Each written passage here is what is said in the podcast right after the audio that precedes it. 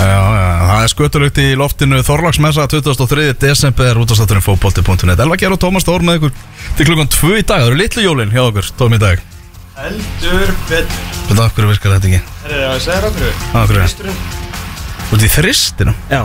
Anna Af einhverjum stórfjörlugum ástæðum er búið að leggja þetta fjarkamyndi hliðar. Ah. Og uh, ég ákvað bara að vera ekkert að, fýblast í því. Nei, nei, nei, Maður veit svo sem aldrei hvað er að gerast í þessu X-stúdíu. Og svona sæmilega reynd í dag samt. Já, Átrúlega það, verið svona jólað tildett já, það hefur verið. Úlfurum Já, lókalega, Heyrðu, við erum með, með góða gesti í þætti dagsins Arna Gunnlaugsson ætlar að vera með okkur hérna setni hluta þáttarins og Er eitthvað að frétta honum? það er eitthvað smá að frétta á honum. Eh, það, hann ætlar bara að fara í gegnum þetta allt saman með okkur, Hva, hvernig þetta gerðist og, og allt það, náttúrulega stóru fréttina er náttúrulega að Já, vikingar slitu viðræðum við Norrköping í gær.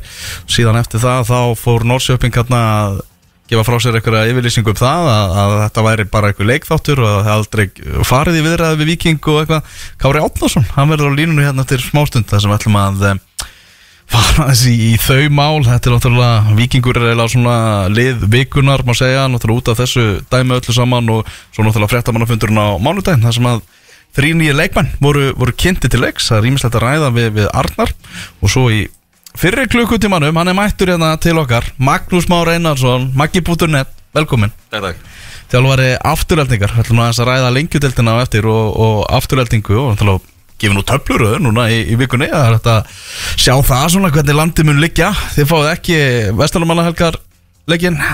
Nei, nei, Njarðvíkingar Gunnar Heiðar pantaði það og fekk það sjálfsög Hvort sem er að fara á þjóðutífandalega hann tekur þetta og, og, og há það skilið Það er fínt að ég maður fá, fá að taka hann að leik. Ég held að það sé viðandi það við andi Það er líka stór hættir þetta að hleypa þér á þjóðháttíð sko. Ég held að það viti það nú flestir. Þegar hvernig er hérna afturlýting fjölunir? Það er tíunda, nei, það er níunda umferð. Og svo, svo vikslast það í, í lokina, 21. umferð líka. Já, það fóru Það vissi það að það var nú búið að merkja þennan leika á ég er The Grudge Ég Match getur þetta spurt mútið í alla leiki, ég mann á alla leiki. Þannig að það er nú bara eða þannig sko. uh, Hverju mættur í þriðumferð? uh, Keflaði úti.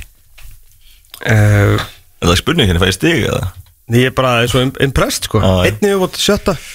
Sjötti dalur greinu heima? Æ, ok, þau vart ekki lagi. Nei. Þetta Alltaf komum bara á hálftíma sko. Það nú oft yfir og Þetta er bara Maður fer ekki prófi skóla í dag Maður bara læri svona. Nei, nákvæmlega, nákvæmlega Það er ekki að byrja bara á máli málana þeir sem var í gangi í gær? Ég held að uh, Arna Gunnarsson er ekki á leiðinni til EFK Norrköping Svo mikið er víst. Jáló, Kári Árnason. Sælir, sælir. Sælir, Hæ, sælir hæ Jú, í beinu útsendingu á X977 Hérna, ég staðan er þannig eh, eins og vorum að segja hérna hlustundum í, í byrjun þáttar og allir svo sem vita að Arna Gunnarsson verður áfram þjálfari Víkings. Uh, Víkingu gá og devilýsingu gærum að þeir verður búin að slíta viðræðum og hafna kauptilbúðum en uh, Sakarias Mart mætti til uh, leiks í gerkvöldi seint og sem er yfirmagn knastbyrnumála hjá uh, uh, Norrköping og segir að það hefði engar viðræður verið í, í gangi. Í raun og veru að kalla vikinga legara Kári Átnason sem náttúrulega mikill aðdáðandi svíja yfir höfuð. Hlýtur á að tekið þessu bara vel í gær? Já, já, ég meina þeir með að spila þetta eins og þið vilja en, en ég, það er engin ástæði fyrir okkur að ljúa þessu. Ég gerði þeim full ljóst að við vildum aldrei selja Arnar. Það var aldrei okkar intention að selja en, en við leifum honum að fara í, í hérna í viðræði við það og ef, að, ef að við myndum komast að einhver sangjarni kaupverði að þá væri alveg hægt að gera þetta. En, en svo hérna náttúrulega komaður ekki með neitt almennlega tilbúð þannig að það var aldrei neitt úr þessu. En það kom tilbúð eða hvað? Já, já, ég, þú veist, þetta er náttúrulega bara einhver, eitthvað leikrit, það er bara, það er alveg morgunljóst. Einmitt, þannig að þú veist, hann segir sko hérna hvort það setur svona svolítið pólitísk svar hjá hann sko hérna við fórum ekki í neinar viðræður en það náttúrulega er þá ekki, ekki satt og þeir senda inn, sendur inn fleiri tilbúin eitt? Þú veist, ég, mér er svo lítla við eitthvað að vera að hérna að fara út í svona eitthvað dítel eða hvað þetta var mikið og allt svona en, en jú, þú veist, þetta var bara þetta var bara viðræður sem var farið í og, og hérna á endanum tók þetta svolítið langan tíma þannig að eða allt og langa tíma þannig að ég var bara slaufað. Einmitt. Þessi, þessi umrætti leikþáttur hjá, hjá Nórsjöbyggar Þetta var vantalega þá til að reyna bara að friða stuðningsmennina sem að voru vantalega eitthvað pyrraðir yfir, yfir fréttum gerðdagsins Ég hef ekki hugmynd af hverju þeir, eða jú, ég get svo sem gert mér í hugalund af hverju þeir eru að gera þetta, en, en þú veist, það er ekki mitt að- að að svara fyrir það, en, en þetta er náttúrulega, ég held að viti allir að, að það er, þú veist, af hverju ættum við að vera að ljúga þessu, það er bara engin tilgangur í því, ekki nokkur, sko, ég sé bara enga mingil sem myndi henda okkur, þú veist, þetta var bara orðið svolítið trafala innan okkar herbúða og þess vegna var svo slaufað, þú veist, þetta var bara ómikil óvissa og þetta var bara orðið svona alls skrítið. Heldur að Zakaria Smart hafi verið nýbúin að horfa á Mission Impossible og held að svona tölvupóstanir myndi bara eigða sjálfkrafa? Já, ég, akkurat, akkurat. En, hérna, en ég er svo sem talaði aldrei við hann, það var einhverju aðeins sem ég var að tala við. Ó, ok, ok að, hérna, En þetta er allan að þú veist þú vísa þessu þarna aftur, aftur til, til föður húsana að þetta hefur verið hérna, að það hefur enga verið í gangi, þú veist, það er þá bara ekki satt Já, já, það er bara ekki satt, en, en hérna, já, ég ætla ekki að fara út í einhverja dítila með það svo sem. Nei, Og þetta var alveg faglega þessu staði og allt það, þetta bara tók alltaf langa tíma, sko. Emitt, emitt Og hérna, þú, þú segir svo sem, ég veit þú ert ekki færðin tölur en bar mikið á milli, fannstu, fannst þér eftir fyrsta tilbúið að þetta væri eiginlega bara búið, bara þér, þér persónulega? Já, þú veist, þetta var náttúrulega bara, já, já, þetta var, eh, strax var maður svona hálfpyrraður á þessu, sko. A- a- a- En, en, þú veist, þeir eru svo sem eftir á higgja þekkti fyrir að spila þennan leik, sko. Þeir reyna bara að hérna, koma með smá, svona, dirty offer fyrst, sko, og svo, og svo hækka þessi smá saman, en eins og ég segi, þetta var bara, tók allt, allt og langa tíma. Og er bara algjör punktur komin bara fyrir aftalenda núna Er enga, enga möguleik, engi möguleik á því að við erum að taka upp aftur Nei, það er bara búið að slaufa þessu og Já. hérna bara til þess að það sé eitthvað stability og, og, og við vitum hvað við erum að fara í og við erum að fara í svo stórt tímabil og þetta viljum við hafa arna með okkur. Mm Og Hvað er, eftir að higgja þá, þú veist, hefði, hefði náttúrulega verið miklu betra þeirra halva að tala við okkur fyrst eins og í bauðunum, sko. Og ég sagði við hann að ykkur velkoma að tala við Arnar en, en þú veist, þið verður að tala við okkur eventually. Sko, Já. í, í hvaða röð sem það er, það skiptir í rauninni ekki máli. En Já. þá hefði þetta kannski ekki farið á flug út um allt og orðið svona stórt og endað svona, sko. já, hann í staði fyrir að eigða, þú veist, fjórum Zoom-fundum og fimm in-person fundum til þess að ná samningu við hann og fara síðan í, í ykkur með eitthvað grín tilbúð Þetta Já, getur tekið, þú veist, tvo daga í staðin fyrir 22 Já, Emmitt, emmitt. En hvernig, hérna, þú veist, hvernig var síðan bara svona niður staðan eins og þegar þið vantilega setjast niður með, með Arnari, þú veist, stjórnin og, og, og þú auðvitað? Eru hérna, svo sem ekki laun okkar mál held ég Arnari langað að fara út, þetta er svona, kannski, for a lack of a better term, smá högg kannski fyrir hann. Já, ég meina, þú veist, Arnar er, er ekki nýkraðingur í þessu og hann veit alveg stöðum ána, við viljum haldunum Já. og, og hérna og hérna, það er náttúrulega bara keppikepli fyrir okkur að haldunum og hérna, hann er á samning þannig að, að þú veist, við, við vorum alveg tilbúin að leiða hann að fara í, í, í hérna, einhvers konar viðræður við Norrköping en á endanum þá þurfum við að fá eitthvað fyrir okkar snúð Já. Og hann vissi það alveg og hérna, en auðvitað auðvitað hillar hann að fara út og, og, og auðvitað verður hann eitthvað svegt skiljanlega en, en, en hérna en þú veist, hann er það mikil professional að hann heldur bara áfram og þetta, það er ekki eins og þetta sé eitthvað leiðilegt verkefni að við erum bara með uh, þvílíkt lið og, og hérna, ætlum okkur stóra hluta næsta ári þannig að þetta er bara mjög spennandi verkefni sem býður hans og jafnvel stærri gluggi núna með þetta lið heldur en hefur verið áður sko. Þannig að ég sé ekkert því til fyrstuð að, að þú veist hann taki múfið bara uh, eftir ára eða tvö. Þetta er kannski svo stærri umræðar fyrir annan dag þegar þú kíkir nú einhvern tímann á okkur en svona því vorum að ræða, Maggi setur hérna hjá okkur og, vorum svona að ræða bara rétt árinu fórum í lofti þú veist, hvernig verðmættur þjálfara versus leikmann? Þú, hérna, þú veist að leikmaður er kannski það er endursölu valjú í honum og hann getur gefið eitthvað inn á vellinum. Þjálfari getur náttúrulega gefið titla kannski minna endursölu valjú en hann getur fundið fyrir þig leikmenn hann getur komið þér í Evrópu og svona. Þetta er, þetta, þetta er nýtt allan á nálinni fyrir okkur að vera að reyna að selja þjálfara og reyna að verðmæta þá. Já, auðvitað, en ef, ef maður bara horfur á þetta alveg, uh, þú veist, alveg kallt að, að þá er hann okkar stærsta asset, Já, skil, algjörlega. Og af hverju ætti hann þá að vera ódýrar heldur en okkar besti leikmaður, Einmitt. Skilur, og, og, og út frá því valuation, þetta er bara mjög basic, þetta er, þú veist, þó að þetta sé nú hálf huglægt, en, en og kannski eh, eigin töluleg, jú, jú, töluleg gögnin og alltaf bara titlarnir sem hann er komið í hús. Þannig að, hérna að, að bara mínist það bara mjög eðli nálgun að horfa á þetta þannig. Og svo eru þeir náttúrulega að fara í einhvers konar uppbyggingafasa og við vitum alveg hversu góður Arnar er í því og hversu invaluable hann væri yrði fyrir það Já, um mitt og þess vegna fannst mér þetta bara galið pæling að að við vorum ekki sko ósangjarnir í okkar nálgun með þetta.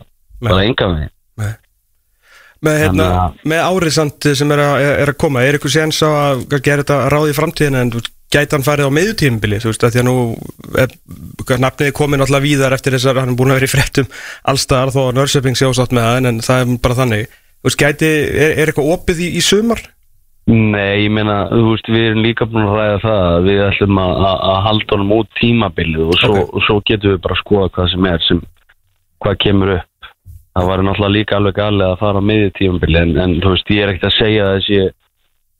ekki, þú veist, bara ómögulegt ef að, þú veist, Chelsea kemur og, og kaupir það, ég meina þá náttúrulega er búin lítið sem að getur gert sko, en, en hérna en, en hérna, já, það, það er allir líkur að hann verði bara út tímabilið. Einmitt. Ljómandi Kári, þetta var alltaf að þokkalast að jólagjöf, maður sá á samfélagsmyndum í gær að maður sé sjaldan jafnmikla ánæði með að maður hefur ekki fengið stöðuhekkun en það er eins og það er. Hérna, Herru, takk fyrir að taka Stífan Kári minn og hérna Gleli Jól. Já, gleðilegum Gleðilega átta Já, bye bye. Þetta er uh, Kári Átnarsson yfir maður fótballtamála hjá, hjá Víkingum og þú talar um, um, um gleði. Það var heldur betur gleði í, bara á æfingasvæðinu hjá, hjá Víkingum í, í ger Heldur betur. Já Já, það, þetta er ekki að koma. Það er örugglega að loka fyrir hljóður YouTube eða eitthvað. Já, ok, ok. Ég, ég held að bara eftir að hætta að læra að taka hana. Það er eitthvað þannig Herri, það voru, voru kátir vist vikingarnir í, í gær Þegar þeir átnar uh, tilkynnt þeim og það eru kannski förum í, í þín mál fyrst við erum nú með þig. Hérna Magnús Már Einarsson uh, Þetta er stórt fyrir viking auðlustlega I'm not leaving. Allan góða. I'm not fucking leaving! Þetta er af æfingasvæði Víkinga í Já, eins og Haldur Smári saði í Vittali við .net í ger Fótballtalega sé reisastórt fyrir, fyrir vikinga Já, þetta er risastórt og hérna bara búst inn í hópin, búin að vera í óvissu núna og, og maður getur einmitt ímynda sér stemmingunni á, á strákunum í gerð þegar, þegar hérna, hann tilkynir þetta að, hann verði áfram. Og, og maður, maður veit að það er búið að vera nýji leikmenn að koma og, og sem veit ekki er ég að fara að spila fyrir Arnar eða Sölva eða og, hérna, og, og auðvitað vilja uh, spila fyrir að báða eins og er núna, Jú, það getur gert það geta- og, og, hérna, og, og spila fyrir Arnar eftir allar þess titla, ég held að þetta sé ótrúlega dýrmætt fyrir Viking og, og eins og, Kári nefndi, þetta er mjög spennend tímabil núna ætla þeir að fara í, í Champions-passið í, í mestadöldinni og, og hérna það er mjög, Arna geti fengið ennþá stærra múi ef hann fer segjum í riðlakefni með Vikinga og gerir eitthvað luti þar. Mm, Er þetta ekki líka bara, þú veist, gott auka ár fyrir Sölva, þú veist, sem að er vantalega hinn útvaldið til að taka við að varnari að bara, þú veist, þarna færa hann auka ár þetta risa ár bara til að búa sig undir að taka við þessu? Jú, klárt og, og, og, og þú veist, ég held að ha- hann kannski hafi, það var ekkit í kortunum endilega í byrjun fyrir ára síðan að Arna verið að fara eftir ára en núna kannski veit hann að það geti verið að hann þurfa að hoppa inn eftir ára Já, eða tvö eða hvernig sem er þá kannski horfa hann þessu öðru sem við hugum á þetta og, og, og, og næra svo reynsli í sig og, og, og svona móta þetta þannig að hérna sjálfsögðu það líka, það er stert en, en það er bara spennandi að sjá hvað, hvað vikingarnir gera núna og, eins og ég, ég held að Arna fara út á, á endanum en hvort það verður til eitt eða, eða tvö ár og, og, og hvert að verður kemur ljós en, en þetta ferli stækka nafnars, eins og þú ert að segja ég meina, þetta, það eru fleiri félur sem fara að horfa núna og fylgjast með, en, en hann kom miklu meira á radarinn núna, þó hann hef ekki tekið þetta starf þá hann kom miklu meira á radarinn hjá félögum í, í Norrlöndunum og jafnvel víðar- víðar. Nákvæmlega þetta er búið að vera bara að, að tattúvera bara alla skandinavísku fjölmjölanana nánast þessi, þessi þjálfaraleit sko. Já, náttúrulega Zacharias Mart og, og félagar hafa náttúrulega bóðið upp á það með þessari, hérna, ég ætla ekki að segja furðulegu, það sé ósangið þegar þeir hafa virðast að hafa gert þetta mjög faglega þeir voru með ákveðna púlíu fyrst það voru slatt af þjálfurur sem að fengu fengu sumfundin og þeir sem að hérna sumfundin á og þeir sem að helluðu þar sem voru undan um Jói, Vettigrein og, og Arnar uh, fengu síðan þessi svona in-face fundi og greinlega vildu gera þetta vel. Þeir eru að fara í uppbyggingafasa og þetta er svona er, að, er að fara inn í tímabil og í eintölu og flertölu sem skipta á verulegu máli. Síðan svona fór þetta að taka rosalega langa tíma og mér varst að reynda ágættis ég vissi þetta ekki með hérna sem að Kári var að segja að það er rosalega förðulegt sko að hann er búinn að segja þú veist, þið verðið að tala við okkur. Þú veist, þið þurfið að kaupa hann fyrir peninga. Og kultúrin í Svíþjóð er bara alls ekki að kaupa þjálfara, bara alls ekki. Og það er ekki mikil peningar í sænsku dildinni og þegar ég segi það er ég að menna því að ég heyrði sérst var, að tala um fullt af mönnum í gerð og meðal annars hérna, heyrði ég frá einum umbásmanni að, að, það- að félögin í Svíþjóð þegar ég segi eiga enga peninga þá náttúrulega eiga meira peninga en íslensku liðin. En það er ekkert eitthvað trillti fjármunur þarna. það er ákveðið svona launa kappi þessari deild sem eru 150 sænskjar sem er bara svona topp launana auðvitað svona extraordinæri leikmenn og fyrir maturmenn og fyrir landslísmenn fá kannski meira okkur svona risastóri þjálfarar. En og það sem að svona stóra gullröðunum við að fara til Svíþjóður og spila er að þú farð sagt, signing on fee held í skattfrjálsbæri í vasan það er svona og það er svona, eru bónusar í þessu sem er svona það stóra við að spila í hans viskunni en laun frá degi til dags og mánuð til mánuður og ársæðlást er ekkert eitthvað brjálæðslega mikið. Og hvað þá kultúrun að vera að kaupa eitthvað? Og þegar Kári sem ég spilaði í Svíþjóð ég mani, hvað ég muni, muni eftir þegar hann var að tala um tíma sinni Svíþjóð og sinni tíma þegar hann var í landsliðin og svona, hann er ekki mikill aðdándi uh, Svíða sko, þó hann hefði ég held ég búið þarna sko. Að hann veit alveg hvernig þeir virka þannig að hann lætur þá vita fyrrabræðið veist, komiði fyrst til okkar til að vera ekki að eða þessum, eða þessum tíma. Samt faraður og eða ykkur fimm vikum eða eitthvað í hann hérna, í þetta dæmi til þess að velja þjálfaran sér eiga svo ekki svona nálægt í efna Já, og nú eru stjórnismenn Norrköping vist alveg vel trilltir. Þeir hérna, var eitthvað svona svíi sem var efstur á óskalistanum svona hjá stuðningsmönnum virtist vera.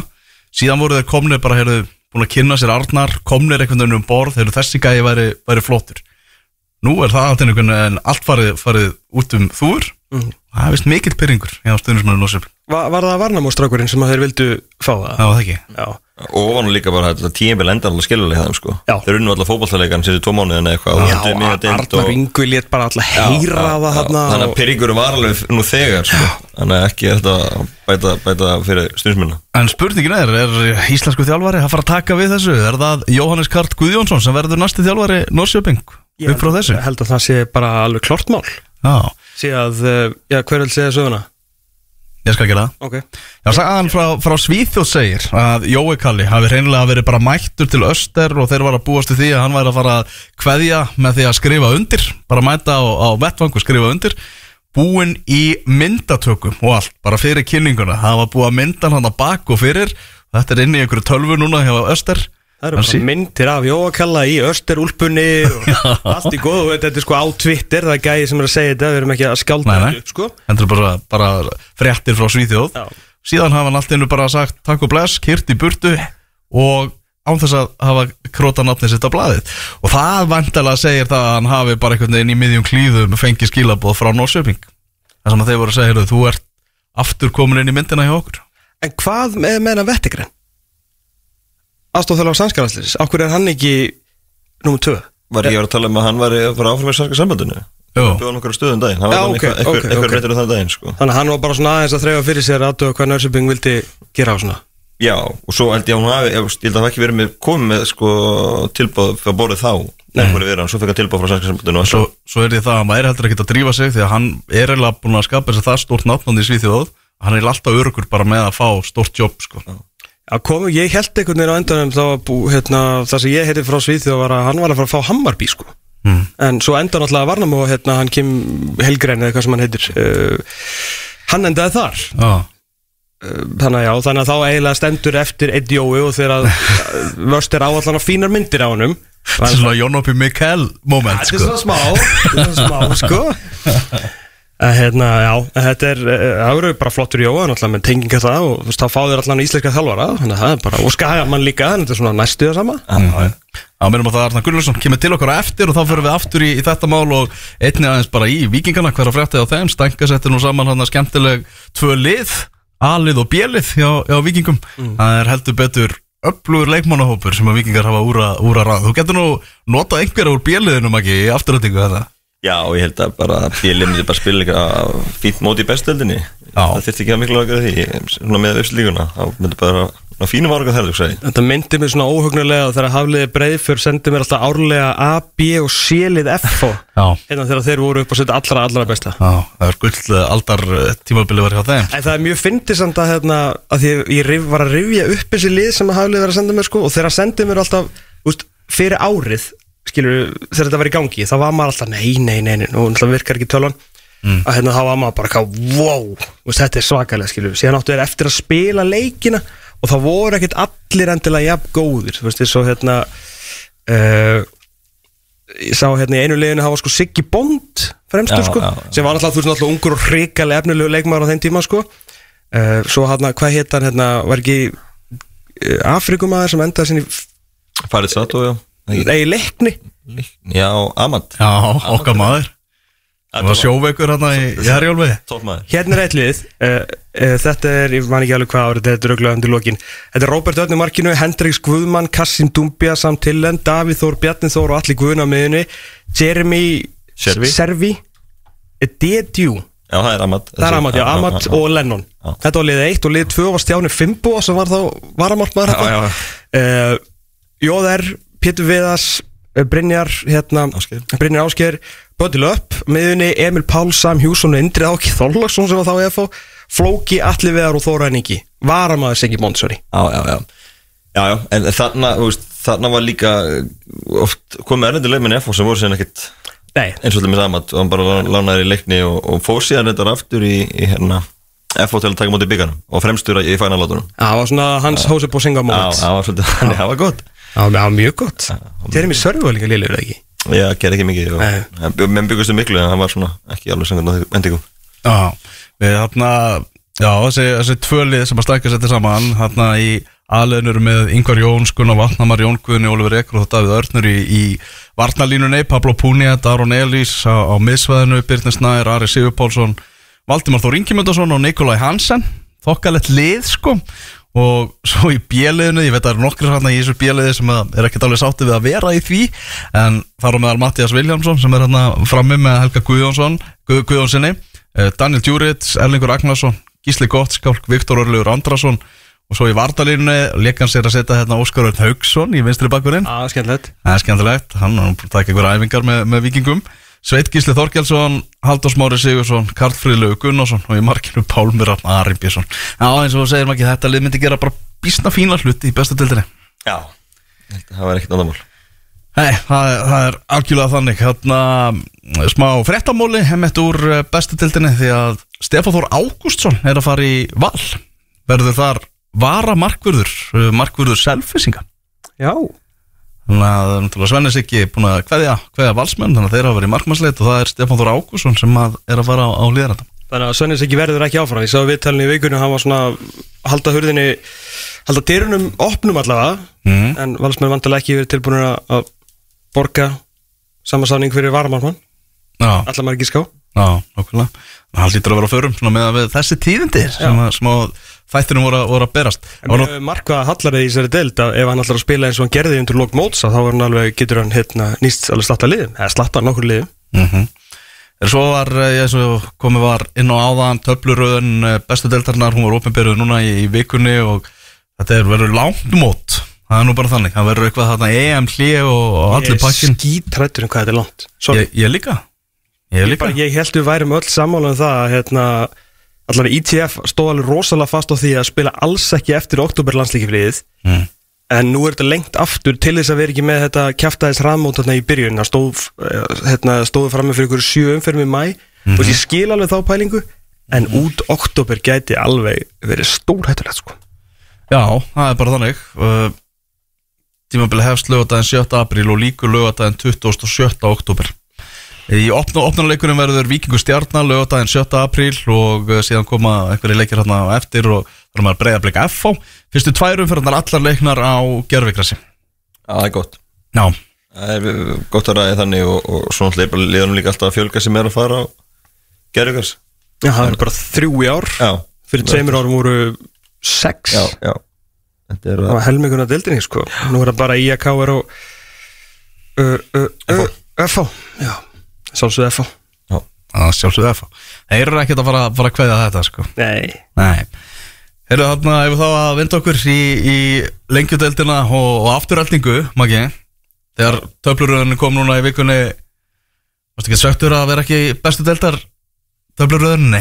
Nei, ég hugsaði nokkið það, ég hugsaði bara alltaf spenntur að sjá töflurina Ég vissi að Birki var með þetta 20. desi fyrra þannig ég er lásald á rífistakar hann er reglu, reglu saman Birki þannig ég vissi að þetta var að koma og, og bara spenntur að sjá þetta. En einu, bara, bara, bara gaman að sjá, sjá hvernig mótið er og hérna, og jú, talandum, talandum lengdina, þá náttúrulega er lengjadöldina hefast 3. mæ, mánuð eftir bestöldinni Já, vá. Og, og enda um miðjan september sem hefðbundin þannig að þetta er tölverð sittur á móti í, í lengjadöldinni fyrir svona meir hluta liðana Já, og hérna og svo má alveg velta fyrir sig hvort að það, það, það sé komið tíma að lengja hana aðeins. Því að það er ekki svo álæðið sem heldur mikið. Það er ekki hraðmót þær í byrjun sem spilaðir uh, tvei leikir í viku, það er spilað einu sinni í viku allt sumarið.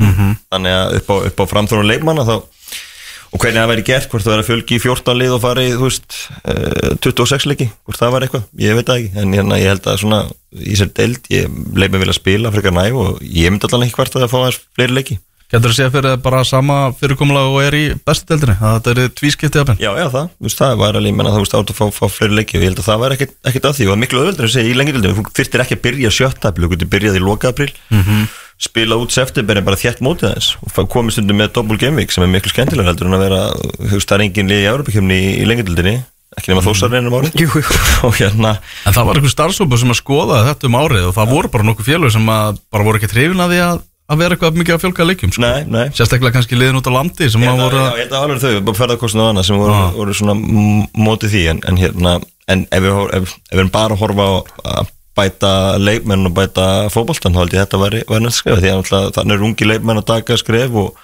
og þeir bæta sem er að spila leikina þannig að liðinu hvort sem er að spila æfingarleiki fram á móti og spila það veturinn þannig að ef við myndum byrja bara aðeins fyrr breyta sem æfingarleiki við mótsleiki og svo þétta og spila aðeins fleiri leiki við sumari, ég held að það væri, væri kostur hérna, það er svo sem kannski umræða sem að, hérna, félum þurfa að taka bara á, á víðar grundli Já, þetta væri þá meira eins og segir til þess að- bara búa til fleiri fótballtaleiki Já. því að neðra umspil í lengjudöld væri svona það cirka er- bara óáhugaverðasta sem að til er svona fyrir hinn almenna fótballtáhuga mann sko.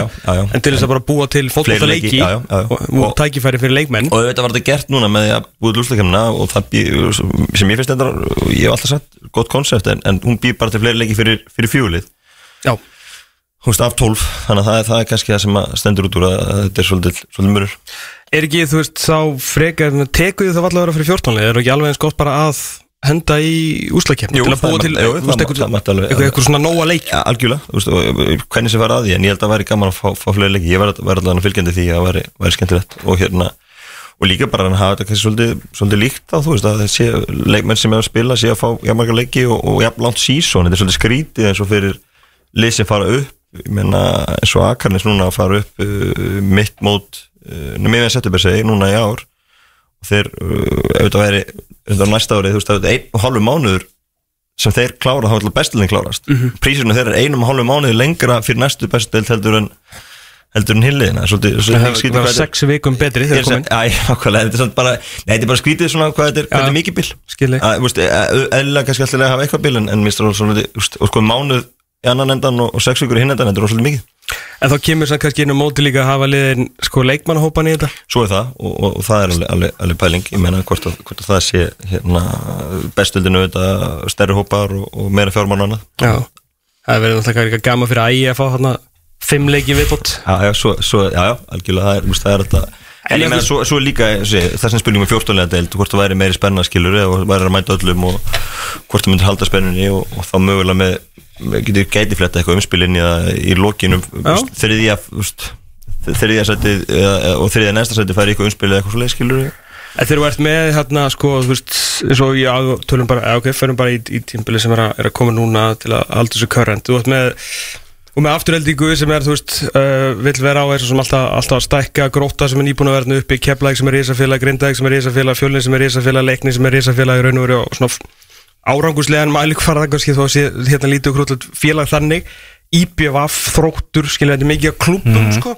Að 22 leikir sko, hvort þetta sé svona batsins tíma sko. Já, þetta er orðið, þetta er orðið það stór dild Já, sko. ég sé það sko. Menna, og svo, mín pæling með 14 múst, í, í, annar delin ertu með lið þú ert með lið sem hafa verið, ég menna haukar og rúrasteld uh, að Östurland sé ekki með lið eftir tveimundaldan með skrítið skilur, þetta myndi auka líkunar á því ert með 14 liðana og, og, og annað, þannig að þú veist, það er svona Selfoss fór niður núna, stort bæði fyrir þannig skilur, en ef þú erum með 14 lið þá eru líka kannski með, með hérna Uh, svona, ég held að deildum alveg bera það. Ég held að þessi, þessi lið bara, þú veist, þau myndi alveg geta keft í lengdildinni, það, það er punkturinn minn. Og sko minn punktu var eiginlega á móti að því að ég er á móti fjórtaliðum í- og var alltaf á við svo sem í, deild að því að þú veist, gæðabilið væri svo mikið, þetta væri bara óhávert en það bara svo mikið undir í bestu deildinni þegar náttúrulega mikill áhugi og mikið sjónvarp og svona þú veist, þó að séu aðeins fleiri skítaleikir lengjudeildinni skiptir ekki öllu Nei, nei, nei. að þú þarf, þú veist, þarf bara fleiri leiki fyrir að þetta er næst efsta deild sko. Akkurat, akkurat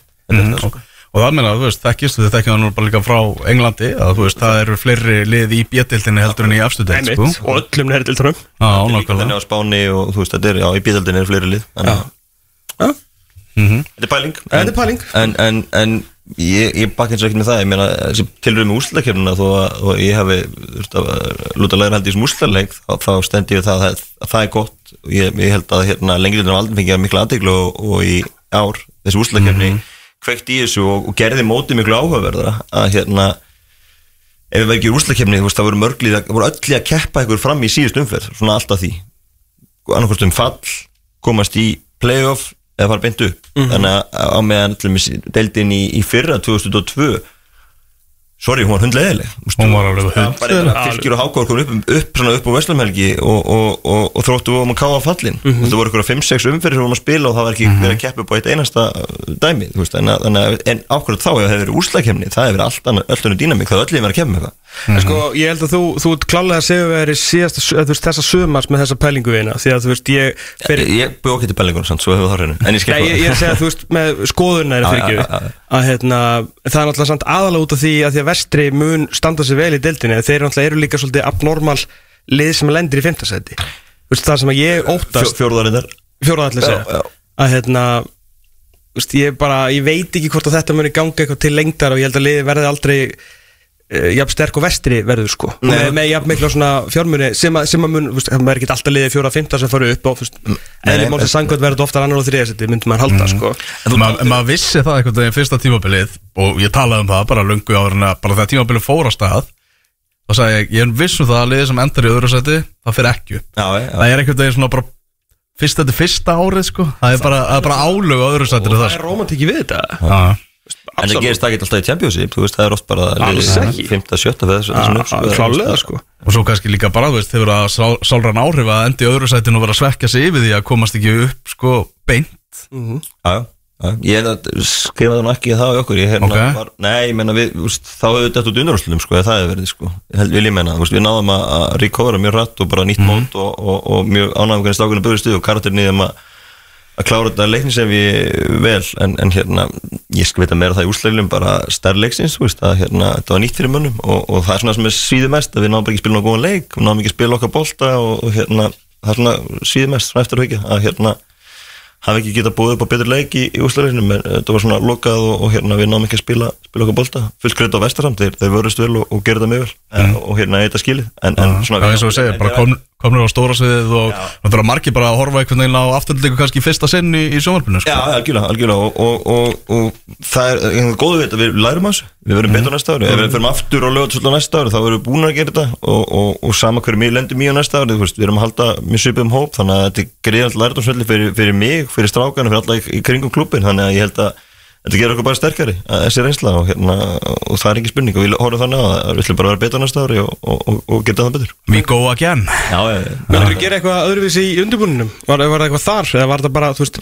alltaf, ég held ég nokkuð við sem að eina liðið í þessar deild sem hefði unnið á þessum degi af vestri að þeir voru bara svona einhvern veginn, þú veist, built for 120 minutes, sko Já, bara með, þú veist, bara öfluga leiminn sko minna bekknum, minna, þú veist, markið er, er, er, er að varamæð sem leggur upp og varamæð sem skora það og þetta eru mark. þessi erli frábært frábær, frábært mark og, gegjaða krossi á fall og, og þú veist, það er næstu með bara öfluga ellenda leikmenn sem eru þannig og hérna, þetta er mjög reynslu mikið öflugt lið bæði, þetta er líkanlega stert lið og, og hérna, og það er búin að uh, drilla vel, þannig að mjög er þetta að brjóta að baka aftur þannig að, þannig að þú veist, já, þetta var þetta erfur anstæðingur, engin spurning og þeim var ógs ásmenni sem er leið á, á mótið. Við unnum á í Mosó í, í júni en, en, en mættum við síðan að löðast hérna og þetta var ekki sama liði það talsist betur að búin að fá menn inn í þetta spennurinn skóla sigumarki og komið til þeirra og Tari komin á miðjuna sem er frábærlega maður þannig að þetta var, þau voru búin að bæta líka inn í þetta í glugganum og það náttúrulega hérna, gerði vel þannig að hérna Þannig að nei, og svo þetta var, veist, þetta var, þetta var lokaða leikur og, og, og auðvitað maður söktur með, með hérna, hvernig þetta fór, en, en við lærum að þessu hvernig betur næsta ári, það er ekki spurning. Hvað hérna fyrir, fyrir næstu tímbil, það er náttúrulega oft talað um það að liði sem er svona í, í öðru sæti þótt að vera öðruvísi annarsæti áskilur út þessu playoff eða uh, þú veist, liði sem er lendi í öðru sæti, þú veist, vinna oft titilinn árið eftir sko, þú veist, Liverpool og svona fleiri dæmi svona hefur trúið að þið svona getur bara farið bara virkilega vel af stað, þú veist, er það svona svo sér í kortunum? Það er alveg markmið, klálega og, og svo sem ekki bara vel að stað, ég fórum vel að stað síðast Reyndar. svo, svo djalaði það þannig að þú við þurfum bara að reyna kannski meira að halda, halda stöðuleika allt mótið. Hva, hvað gerist þar heldur þegar þú horfður tilbaka núna? Við komum með smá perspektíf Já, og... bara, þú það er ekki eitthvað eitt. Við, við hérna við mistum uh, Georg sem er öflugur varnamæður í skóla á þessum tíma uh, þannig að þurfum að gera breytingar á liðinu og ekki að þeir stóðu svo vel sem kom inn en það er bara röglaði Stína mikinni Arnur Gauti og var að spila með kvísli þannig að hann skóraði ekki mikið við fyrir umfyrinni gæti ekki beissir að fullu. Uh, við lendum í að tapa fyrsta leiknum og, og það kannski einhvern veginn vorum bara vanið að vera að vinna, vinna, vinna, vinna og svo allt í nú fyrir að tapa og hérna og, og bröðust auðvitað auðvitað ekki nú, vel við því. En, en hérna svo voru þetta bara 50-50 leikir einhvern veginn, þú veist, sem að bara þú veist uh, og jafnvel voru við betri oft sem við alveg tölfrað allt en, en boltinn vildi ekki inn og okkur var, okkur var efs og við fórum að gefa klaufaleg mörg veist, það var bara, mm, það var bara að blanda mörg og ég get ekki bent á neitt eitt þú veist, við, hérna bara það sem var að ganga vel í, í byrjumóts var ekki að ganga vel þannig og hérna, klaufaleg mörg vorum ekki að klíniski fyrir að marki hinnum megin og þú veist, við vorum mikið með boltan, við vorum að skapa okkur ekkert mikið minna en, en þetta var bara gekk ekki að vel og í byrjun og, og, og pottið líka bara, menn ekki vann þessar stöðu uh -huh. veist, það, sé, það sé engin spurning að hérna, margir leifmenn sem hafa ekki verið í þessar stöðu áður, við hefum búin að byggja upp liðnum undan fyrir fjórum árum, byggja svipu leikstíl og, og vinna okkur því að vera fallbártur í þessar deildi að berast um að fara upp. Og mikið til sömur strákani sem hafa bætt sig og orðið betri og, og menn hefur kannski ekki verið einslun að vera í svona og vera svona mikið í umræðinu vera á þessum staði töflunni og, og, og það hefur áhrif alveg saman hvað við reyndum að útiloka utanakondi pressu og, og einbjöta okkur að okkur þá, þá, þá hafa þetta áhrif og það er líka lærdómur sem við höfum fyrir næstu jöfnbíl þannig að fyrir næsta sísón er maður mjög bjátt sín og við höfum lært helling á leiðinni og hérna, verðum ennþá betri næsta sumar. Fyndið, finnst þið fyndið þegar leikmennir reyna að ljúa eða þeir sé ekki að fylgjast með fjölumölu og svona? Og vita þið hvaðan þú kemur sko Já, þú, þú veist já, alveg að þeir eru að hlusta og lesa allt Já, sko. já, ég auðvitað veit ég það og, og, og þú veist, ég meina, og, ég fylgist að við umræðin sjálfur og sjálfsögðu. En, en, en hérna snýst kannski meira það að reyna útskýra fyrir þeim að, að það er við sem spilum leikina. Já. það er ekki, þið spila ekki leikina eða, eða aðri hlaðarsættir það er við sem spilum leikina og við erum með okkar höndum sko, veist, það er svona eiginlega, þú veist, það sem og ég held að menn hafi líka séð það núna að, þú veist, það er nákvæmlega þannig þú veist, að því að líki byrjuð þegar okkur gekk vel, þá var allir að segja herri, nú farið það að klikka, nú farið það að klikka og svo var klikkuð við ekkert sko. en svo komaði að við klikkuðum og það, en, þú veist, en það er, það er okkur þetta við spilum leikina, það er ekki einhver hérna, sérfæðingar hlaðurpunum sem, að- sem að spila leikina því að ef þeir myndu gera það þá myndu ekki þurfa að mæta á völlin að spila leikina þeir getur bara að úslitin og, og svo getur bara sleftið spila móti sko. Að það var þetta áhugvært að þið fengið að ræða svolítið niður en hérna, en enni við hérna Þá myndur hún senda þig upp Já, ég veit, það, þannig að ekki sé hafa þannig stíðanbili Nei, nei, en hérna, en við hérna við lærum þessu og, og hérna og þetta er líka lærdumur að, hérna við spilum leikina og þetta snýst bara hvað við höfum okkur trú allan tíman og, og, hérna, þá erum við góðir. Mm, Bara láta minna að við vitum ekkert sko Þú veist, Nei, Við erum mynda bara þú veist, Nei, ég meina, og svo hafa mér örgulega hlýja því eitthvað tíma skilur, þú veist, ég meina, stundum vinna í gennum tíðin hafa, og menn ég held að við séum núna kannski líka mennur farin að taka okkur næst mér alvarlega en fyrir, fyrir þreim fjórum árum, skilur Ég menna afturhaldig var ekki til umræðu í, í, í spjalláttum um fótbolta hérna. ég, ég segi það. Þetta þannig að- gerist á einni nóttu. Ég segja það, þetta er, þetta er breytt og, hérna, og þetta er líka bara mikið vinna hjá, hjá fólkinu í Mórsó að hérna, koma okkur ofar og, og endamarkmið er að sjálfsögja ekkert endamarkmið, er næsta markmið er að komast upp og, og, og síðan að okkur í sessi þannig að við þurfum bara að taka skrif við erum alltaf að skrifa upp á því hverju ári núna undanfann ár og, og ef við gerum það áfram á næsta ári þá verður niðurst að þannig við förum upp, það er nokkuð ljóst. Þú talar um það, er, er endamarkmiði hjá þér eða afturheldingu hvort sem að þú er átna áfram eða ekki nú þetta fann að vekja áhuga hérna hjá, hjá stærri liðum. Er það að verða bestunleiklúpur? Já, ég held að það ég, mér finnst félagið, mér finnst bæði bæjarfélagið og félagið eigi geta gert það en það er mikil vinna og við erum ekki með sumi peninga og, og, og stabil úrslalið, það segir sjálft. En ef við komumst upp og höldum áfram að fá góða leifun í yngrunarstörunu uh, náum að sækja leik, minnir passi okkur leikstíl á þess að eða, eða fúlgumfjör í það, þá, þá held ég að við getum gert það. Já, ég held við um að geta orðið í framtíðin úrslaklubur og það er alltaf draumurinn. Og, og hérna við fá draumur náttúrulega líka að fá almennilega stúku og með klefumundir á, á gamla olubjövöllin og við getum spilað þar og, og þetta verður Það er í bíkir, ekki? Jú, það er svona, en, en, en hvort það gerist eftir 2, 3, 4, 5 ár, þú veist, það er Að svoleiðis, ljós já, já, en, en, en við getum alltaf sjálfsögðu þrýst á það með, að- með að ná á vellinum og það er sem við þurfum að gera við þurfum að hérna, halda að taka skref og ég menn það er geggja að sjá fyrir mig, ég menn ég spila 2017 spila ég minn síðasta leik á einmitt gamla ólfjölu var maður áður en förum niður á gerðugar og byrjum að spila þar og síðasta leikurinn minn sem leikmaður og, og það voru 35 áhörndur úr vellinum. Ég var að skota á þessi og hérna, þetta gekk að lýsa mér Jasondaði var hann og Bjarkisteinn og Ok. já, við vorum heldur góður saman. Og hérna, Príti búið tjokk og skoraði á mót okkur, hann var í Víðingarði ég var að skoða skýrslubyrði vikunni. Og ég var kjöp, þetta var gott, þetta var mjög gott. Hérna, og búin að glemja þessu en, en 35 ára á vellinum, svo spilum við hérna á lögatisvelli núna í, í 30. september og það eru þrjú tvö smúrslingar þannig að, að fara úr þessu á sex árum er, er greiðileg bylting Það er og, og, og heimætt í sumar voru að fá, fá tæplega 600 ára meðatali fórum þrýleikir nála þúsund mannamarkmiðinu þannig að veist, við erum að fá hellinga fólki á völlum. Og það, veist, það er þetta sem hjálpar okkur líka að stækka, veist, það er, er sjálfbólin í kringum þetta, stuðnismenni í kringum þetta og með að fá fleiri um borði sem erum að gera þá gengur betur, það er engin spurning og ég meina, þetta er bara allt í kringum þetta hefur verið að vaksa Kalu og framann á treyjunum, Geggjað. þannig að það er margt í kringum þetta sem er, sem er að hjálpa okkur að félag að stækka og, og, og segi, margir öflugir lemmi sem komum upp í genið mingaflokkun undan fyrir náru og höld, þeir alltaf fórum að skila sér og fáum góða lemmi þar þá hérna eh, þá ef á aftur líka geta spilað í bestuldinu í framtíðinni, það er ekki spurning. Er náttúrulega bara orðið líka bara eitthvað menning að miðstöð þarna, það er ekki bara íþrótafélag í, í bænum það er bara, bara menningin í kringum, kringum leikina hjá okkur. Já, já, og það, það er bara meðvitað ákveð sem að tekin í fyrra og, og sjálfbálinn hafa gert frábælið því að hérna, við erum með viðbörgur með næsta leik og ég meina, þú veist, fólk mætir og við veitum þegar gaman, þú veist, að þú veist, liðið spilar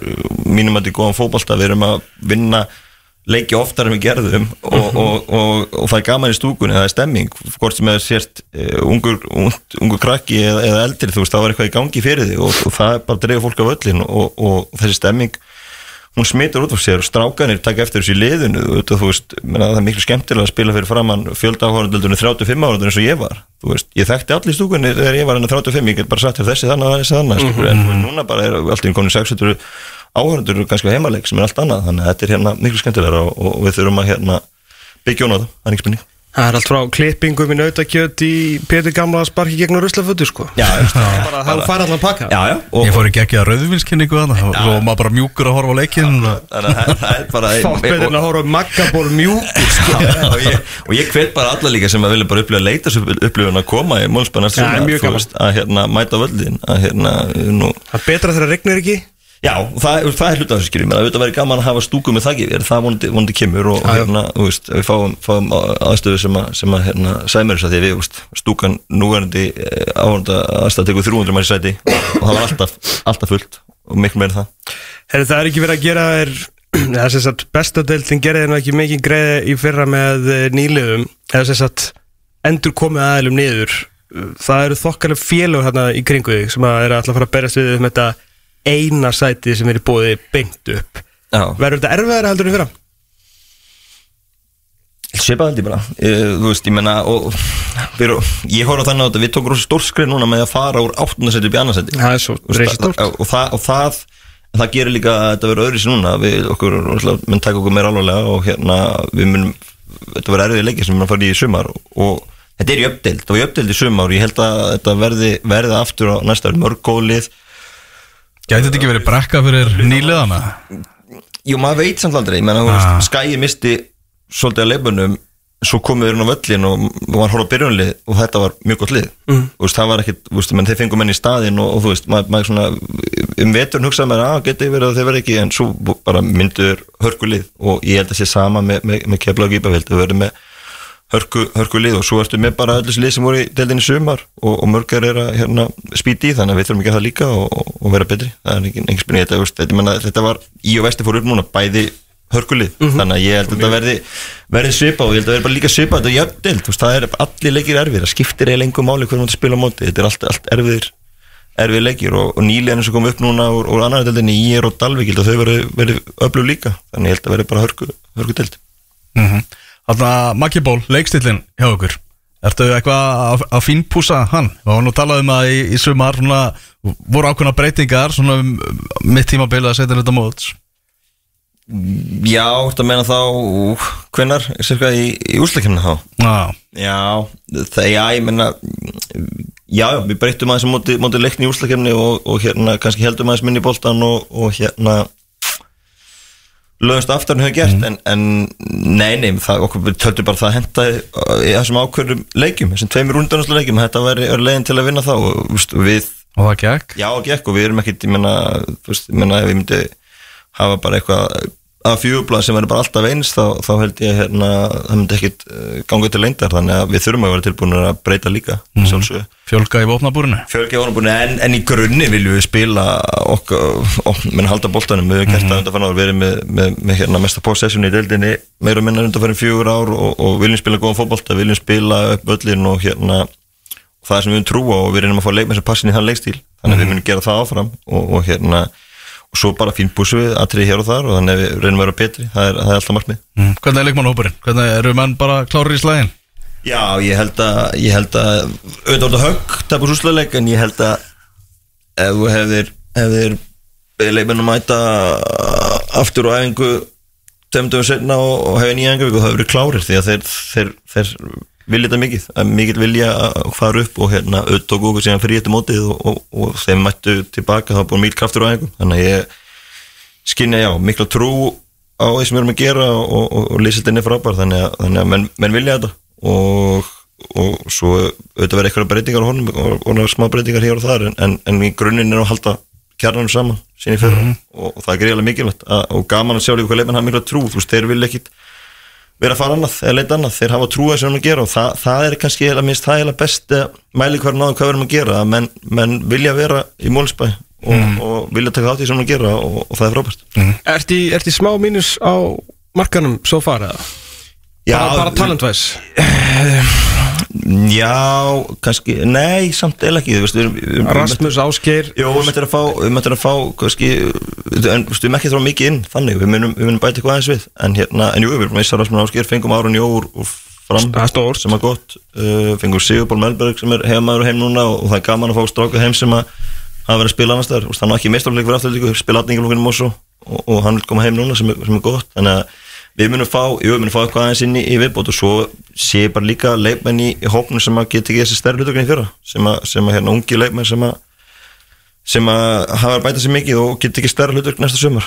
Uh, sumi voru mittir í, í sumar og, og aðrir kannski ekki alveg tilbúin en, en ég, ég sé núna leikmenn í hónum sem geta tekið skrifið og það verður gaman að sjá hún eftir áramóti fyrir að spila í, í, í lengjubíkarnum og, og æfingarleiki á móti lifin í bestöldinni og, og lengjadöldinni nákvæmlega hvar með standa. Og, og, og hérna og svo meitum við hans út frá því hvað, við- hvað við bætum mikið við í viðbót. Mm. Vantaði svona marki hafsend fyrir Rasmus? Já, við munum fæða í viðbót erum, að- erum að skoða já, hvað, við- hvað við gerum þar. En það, Ok. það kemur Rasmus var frábær okkur frábær karakter og, og stóð sig, stóð sig mjög vel fyrir okkur. Og hérna en við ákveðum bara svona áherslubreytingar okkur að, að fara mikið ekki við hann. En, en við vorum ánægði með sem að gerði og, og, og hann svona lift, hjálpa okkur að lifta þessu upp á, á næsta plan. En, en við munum, já, líklega bæta við einu, einu varum manni viðbót. Er uh, Úkrænumæður áfram í markinu, jákvæðan? Nei, líklega ekki, líklega ver- verður hann ekki, ekki áfram en hérna, það er okkar ákvörðin líka við erum efnilega strák Arnar sem er í, í, í 19. landsliðinu, spila allar ekki um daginn úti og, og, og hann, hann hefur staðið sér frábælega undarvörnu og hann, hann mun sína í vettur að, að vonandi hann sé tilbúin í það og hann er einn af þessum ungu leifmenn sem við viljum að stíja upp og, og, erum með hann og, og annars okkur með Birki sem er, er tvítur og tveir mjög efnilega markmenn og við munum, við munum gefa þeim sensin núna og sjá hvort þessi ekki klárir, klárir í það. Mm. Þið geta reyna á bróðinum heim, Antoni Arra sem að, að tala mikið talað um að framtíð hans í óvissu í Kópavæðinu Já, mikið talað en það gerist nú lítið sko þannig að ég, ég get ekki farið og, og tekið samlingsbundu leifmann að breyðablík eða þú veist þá hans er bróður minn sko þannig að hérna, nei ég held að eins daginn dag er hann bara markmannum eittur breyðablík og ég vona hans vegna að það verði áfram. Að mér veist hann hérna oft fá ósikarlega gaggrinni mm. hann, hann á uh, fullt af tillum hann þrísor íslendmestari, tvísor byggamestari og svo talaði með uh, svona, mér svona, með gleyma því út í sammyggjunu að það er ekkit finnur ekkit mikið fleiri sigursælir markmenn á landinu. Og þó hann átt off-season núna, ég held að hann fyrstulega vikina hann var ekki, ekki öflugur í ár en, en, en hann hefur lent í því áður í off-season og komið tilbaka og unni titla líka eftir það þannig að ég, ég hérna held að hann verði bara áfram í Kópaví og vona að hann standi sér vel í, í markinu breyðabrið næst sumar. Og, og ég held að komi aftur líka einn daginn hvort ég verði ennþá þjálfari þá eða, veist, hann, hann er náttúrulega bara 30 ára næsta ári og ég meina sem markmann þá getur hann spila 10 ári viðbót þannig að þannig að það var ógeðslega gaman jú ef, að- ef að hann einn daginn kemur heim og ég verði ennþá þjálfari en ég er ekki að sjá að gerist á, á næstin hann er ennþá markmann breyfis nummer 1 og ég segi vona bara um gangi sem allra best. Sérstaklega því við erum ekki að vera að mætast þannig að það má hann ganga er vel og heitt Hann myndi svona hjálpa sko, mömmuðinni, mömmu ykkar gríðarlega væri hún bara í sama liðin Nei, sammála því og, og mér finnst náttúrulega illa með vegi oft þegar húst, hún horfir alltaf frekar á hann heldur, heldur leikinu afturöldingu sko, því hann er að spila leikin og því ég stend bara hliðlínunni sko, hann veist það ómerkilegra. Þannig að hún fúst Það er samt hennar klúbbur. Já, ég veit það, en samt þetta er einhvern veginn vegur þingra hjá henni Ok, að- að sinna ok. veitum, þannig að hún, mista hellingarleikim í sumar og, og kannski kannski það ástæðinu fyrir að fóra að dala okkur í mitt móti, hún var alltaf ykkur með Európa-leikin var alltaf Európa alltaf leikana og mista alltaf leikanum Þeir fóru í sambandstildina Já, já, hún skilaði þeim þangað en kannski var það ástæðan fyrir að þetta fór að hella fæti í okkur. Hún var eiginlega ekki hvergi sjáanlega Hann, hann, hann Meiri góðsættíðan En var hann að sí, var hún á öllum sambandstættarleikurum Núna í, í riðlum Sem fór í all- alla útileikina? Hún fór alla útileikina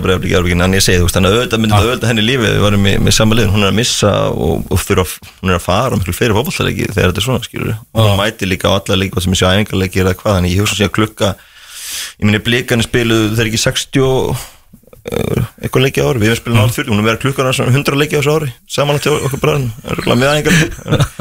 Þannig- og svo var stundum að lendi því sko að við vorum að spila kannski kick-off uh, 1915 á öðrum og 20 og eitthvað, þá var hann að hlaupa á milli og ná fyrir og setni hálfleik einhvern veginn og þetta er alltaf, já, já, að þetta, er, þetta myndi jú, letta henni lífi klálega Einstök en, en eins og ég, ég sé ekki að það sé að gerast en hérna, ég, jú, mér þakklátt að vera mömmu og, hennar stuðning en, en ég held að hún þurfa að taka á sig að einn ári, eitt ári viðbúta að, að flakka á milli því að ég sé ekki annað í kortunum En ertu með kall með ávísun og sæti í klefunum klart ef þetta er í bóði Nei, ég það ekki, nei, ég það ekki, ég, ég veist, að þið sætti í en Þannig að þú, þú getur búið þar til Já, en hérna, en nei, kall með áhersin, ég er ekki með hann, hann fyrir að finna hann og hérna, og, og, og ég, meina, ég segi, eins og staðin núna, þá er þetta ekki vera að gerast og, og hérna, og ég hef ekki rauninni rætt við Anton þegar mér finnst það eiginlega skrítið hann er bara það já, auðvitað. ég vil ekki vera einhvern veginn að segja hann er nú bara, þú ert ekki nú góð fyrir breyðablík lengur hvort þú hinga, það var líka skrítið skilabóð þannig ég hef ekkert verið að ræða þetta við hann heldur því að hann, ég segi, þú var nátt off-season þá, þá hérna hefur hann gert að unnæðast titla og færi með núna í reyðleikefnina og gert frábælega þannig þannig stari Eitt af því sem er flækja þitt starf og þetta markmið er að koma afturlætingu upp í efstudel Það er náttúrulega afturlætingu er bara besti auglýsingaglukkin í íslenskum fótballtæðilega eins og segir spilið jákvæða leikstíl og við höfum náttúrulega séð alla þessa afturlætingamenn hjá einmitt breyðabliki og bara þú veist þjálfara stóruleðarna, þeir eru fastagestir á, á vellinum í, í, í Mosesbæ Mhm. Þetta er bara hluta því sem þú ert að, eiga við. Já, en, en á sama tíma þá er mjög ánægð með það að þetta er að breytast og hérna sjáum, sjáum Strákis og Elma Kára sem að slæri genið sumar. Búin að gera virkilega vel leggja mikið á sig undan fyrir ára æfa, æfa vel og hérna bætt sér frá ári og, og, bara það sem að gera í sumar kom mér persónulega ekki óvart, ég vissi að þetta byggi í honum og hérna Um kapsula var hann bara óstöðandi ég skora 17 mörg og, og, og kantmaður skora 17 mörg, ég menna frábær, og, og hérna eh, hann skrifa þetta nýja samning og, og það sýnir mér hann hefur trú á því sem hann er að gera og hann vil hvernig hann stæða hann veit og hann, hann líður vel í okkar leikstíl veit hvað hann hefur í múlsbæ veit hann getur haldið áfram að bæta sig. Og það er þetta eiginlega sem held ég sé búið að breytast út. Fyrir, fyrir fjórum eða fimm árum hefði Alma Kári farið annað. Já. því að við hefum verið neðarlega í fyrstu deild eða jafnvel í annar deild veist, hann hefur verið að fara annað til að þróa leiksin en hann getur gert áfram okkur á mínum mati og hann er sammálaði. Þannig að það, þetta er eiginlega breytingin og þannig að ráin er alltaf að vera herri okkur þannig að þá, þá þurfa þær ekki að fara annað í strákar og, og ég held í framtíðin menna þá líka margt með félaginu sjálfsögur bara að reyna þegar leifin fara frá okkur þá séu þið helst bara að fara beint ellendis þeir Já. þurfa ekki að hafa eitthvað millistopp annar staðar. Að félagi getur orðið það öflut hérna við þeir þurfa ekki að horfa í eitthvað annað til að fara þeir getur bara farið beint frá okkur út. Þannig að, þannig að ég held að þetta sé að breytast og þetta er, þetta er dæmið það að, að, að hann skrifandi nýja samning í staðin þess að einhvern veginn sjá hvað er í bóð og auðvitað lifir að fylgjast með honum annað en, en hann er bara leifmár okkar og, og verður það áfram og, og, og ég held að verði ennþá öflur í næsta sumar.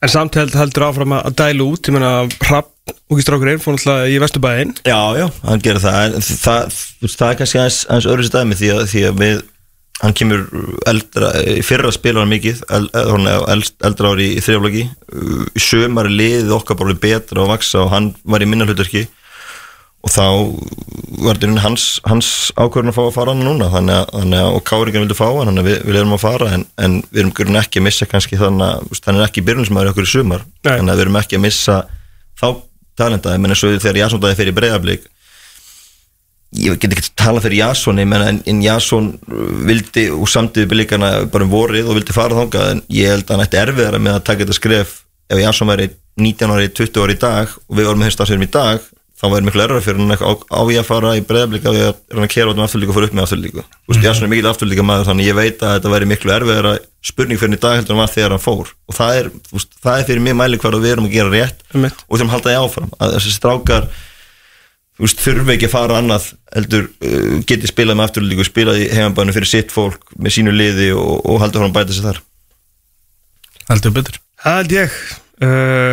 Þetta fer alltaf stað 3. mæ Þetta er uh, Djöfull er þetta að byrja snemma í ármaður Sko 3. mæ var einu svona bila snemma Já, já. fyrir sko bestu dildina já, já. En svo er, þessi- er þetta byggarkemur allir í apríl sko. við erum konið bara einhver staðar í, í undanúslitin þannig að nánast í apríl sko. Þetta er Nei, bara ég man orðið ekki svo hvað- sænska mótil Já, þetta er svo þannig sko, við erum að fara þannig að just, í svonni, ég horfði svolítið að við erum að byrja að spila leikið þannig í aprílu upp á eitthvað, þú veist það er byggar þá skilur þannig, að- þannig að við erum held ég held að sé bæði önnurum fyrir og, og svo þráttu tvekkilega fyrir áfram þá sé í apríl, þannig að þú veist að fá, fá leikið þar.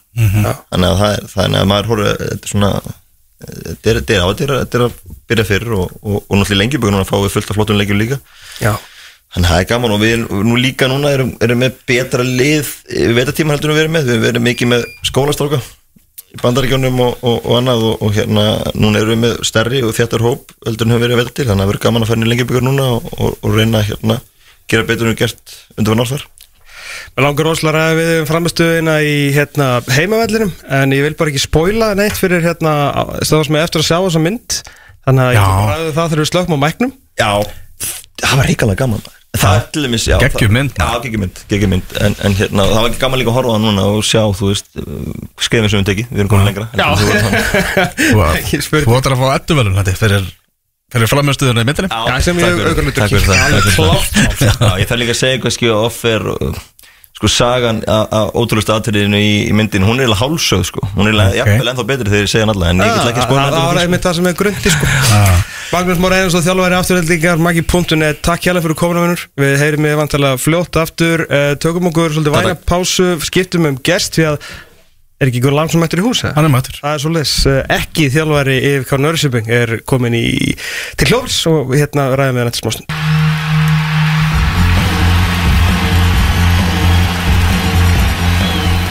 smástund Áframeldu rútastátturinn fótboll.net Hér á X977 Það er markalaust í hátæðisleiknum í ennska boltanum Vestham Manchester United 34 mínútur á klukkunni Jólatört eins og sannarlega komin á stað í, í ennska boltanum. Við vorum að tala um hennan Amað Senegalan sem var hjá FH hérna, kom aðeins til umræði hérna, fyrir, fyrir þættinum. Já, þá hérna gaman að segja frá. Því að hann afreikaði það að þetta tímabil hans hjá, hjá FH það var náttúrulega lánaður til 2015 það var að lánaður til Leiknis og var lánaður einni í B.I. Bólungavík og bæði liðin fjallu þannig að hann fjall tvisvar en FH var hins vegar Íslandsmeistari og hann var manna fremstur í fögnunum þegar að þegar FH-ingar fengu, fengu byggjarinn þetta er bara alltaf auðvitað mikill toppmaður Alejandro Garnaccio hér að klúra alltaf Er þetta rétt um mæk? Já, Já, ok. Eh, Alejandro Garnaccio klúri hér döðafæri fyrir Manchester United á 3050 mínúti, já, maður toppmaður.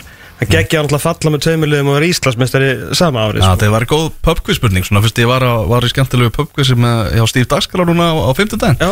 Þetta getur verið upplug pubquiz-spurning Erfið? Mjög erfið, sérstaklega þegar ekki hægt að stafa Amadiatu, að það kannski hjálpar þetta ekki en sérstaklega. Já. Herru, það er gnótt góra gesta á litlegjólunum hjá okkur þennan þess að Þorláks messuna, einn heilegasti dagur ásins, skutudagurinn mikli, uh, resastór tíðin í íslenskum fótbolta í gær, stórkoslega fyrir eitt félag, eitt félag, kannski ekki jafn gott fyrir hinn 11 bestudeldinni en he ain't going nowhere. Arnar Gullarsson, áfram þjálfari Vikings eftir uh, langar viðræður hans við Nörsöping skemmri við vikingslið var það útskýrt í gær. Tilkynnt að hann er áfram. Hann er mættur í hús, Arnar, velkomin. Já, takk þér engri Herru, það er bara alltaf nóg að frétta. Einhver því Arnar viltu bara, þú veist, ein opir hérna bara til þess að að byrja með, bara getur þú gefa okkur smá ferðasögu, bara svona eins mikið og mátt, mátt segja í kringum þetta ferli? Hvað er það langur þáttur? Þú hefur 53 mínútur. Já, ég, ég er náttúrulega bara hérna fer í ákveði ferli með nörsöping fyrir ykkur um fjórum, fimm, sex vikur síðan. Já, og teka ykkur að fjóra fundi og bara mér fannst það mjög fagumælegt og því líka reynsla. Það var greinilega algjöru toppmenn og toppfélagana og hérna mér fannst vera gott kemistri á öllum þessu fundum. Og ekkert nema gott um þá að segja. En ég var al- alveg skýr bæði við þá og við vikinga að, að, að það ekki, var ekki nóg að ná samkomulega við mig, það þurfti að ná samkomulega við vikingana eða félum þurfti að koma saman. Mhm. og ég ætla ekkert að skipta mér að því, þeim viðræðum sko. Og hérna ætla ekkert að forsa eitt eða neitt og mæta skælandi inn í skrifstof til kára og, og heimta að fara eitthvað slíkt sko. Vikingandi skulda mér ekki neitt það er alveg frekar ég sem skulda þeim sko fyrir að gefa mér þetta tækifæri og, og fara í gegnum að leiðangur. Þannig að, vist, þannig að þeir voru bara með frýtt spil um að, um að spila þetta eins og þeir vildu. Já, og þeir ákvaða bara að standa fast á sínu. Mhm. Og ég respekta það bara.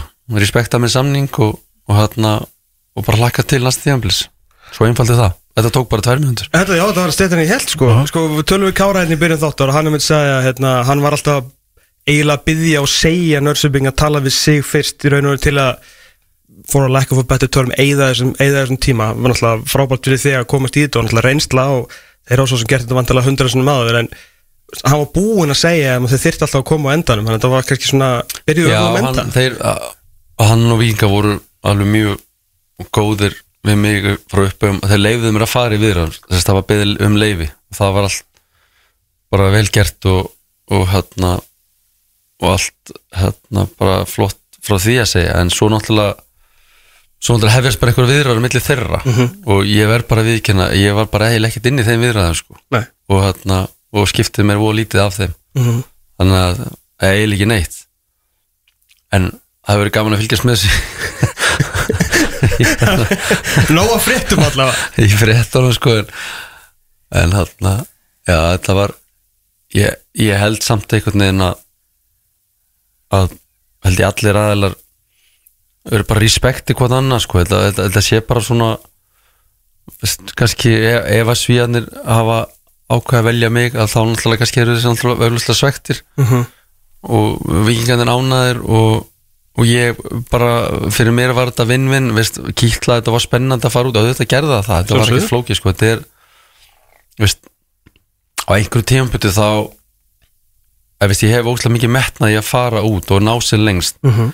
og það er einhvern veginn auglast ef maður er að fara yfir þessi skref þjálfara þá er einhver stökkpallur og svo mögulega einhver annar stökkpallur að hún kemst í stóru deildnar ef að það er draumurinn sem það er.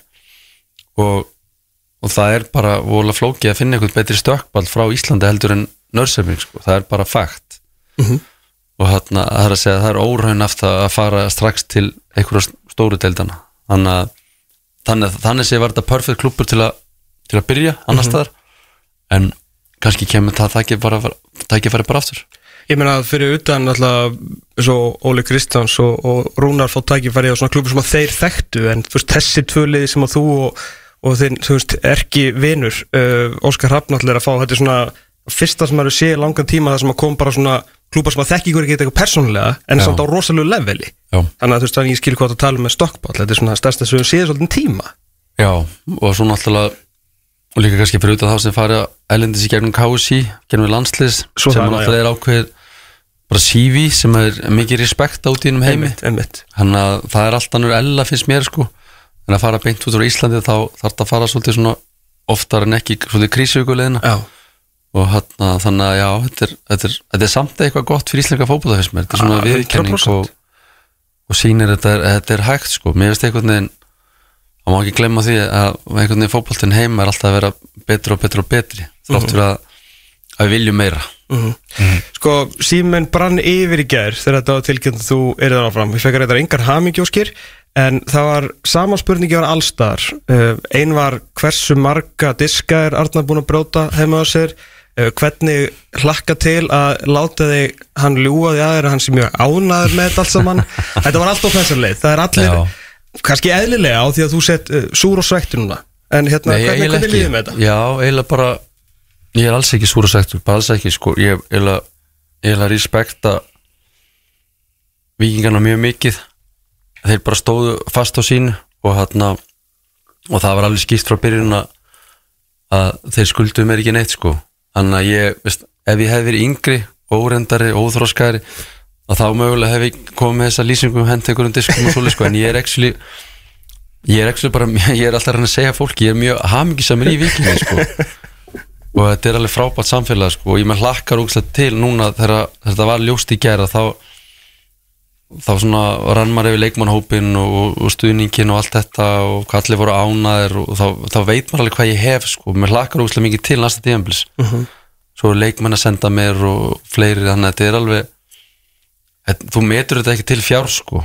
Sérstaklega úr er komin í 50 sko, þá er þetta einhvern veginn var, þetta er nokkuð töff Já. og var svolítið emotional sko, þannig að já, mér hlakkar alveg til og er alls ekkert súra söktu bara svo það sé haldið til haga Æ, Ég meina þess að ég var nú grínstu kára á sko, ég hef aldrei séð jafn marga ánaða að ykkur hafi ekki fengið stöðahækun sko. ég Já. bara, bara gleðin sem brast út hjá vikingum í geð sko, það var- en einhvern veginn náði engin að svona vorkennaði fyrir að ekki komist lengra það var Já. svo mikil ánægja með þetta en það er Já, náttúrulega já, svona að ég- tala um að þú ert náttúrulega, veist alveg hvað þú hefur þarna í fólkinu Já, þetta er, þetta er náttúrulega bara ég, ég samt, er, var ríkala ánað með nörsebyggi öllu þessu ferli sko. þetta var, veist, ég heyri ofta að þetta hafi verið langa viðræður og svona ég skilja vel að, að þetta hafi verið pyrrandi fyrir, fyrir vikinga og svona vilja fá, fá kannski botni í máli sem fyrst að þetta er það má ekki gleyma því að við vorum að tala við leikminn á þessu tíma skilur og það náttúrulega er það voru náttúrulega margar spurningar sem að leikmenn voru að spurja sem að veist, veist þú að fara að vera þarna áfram og hvað er í gangi og,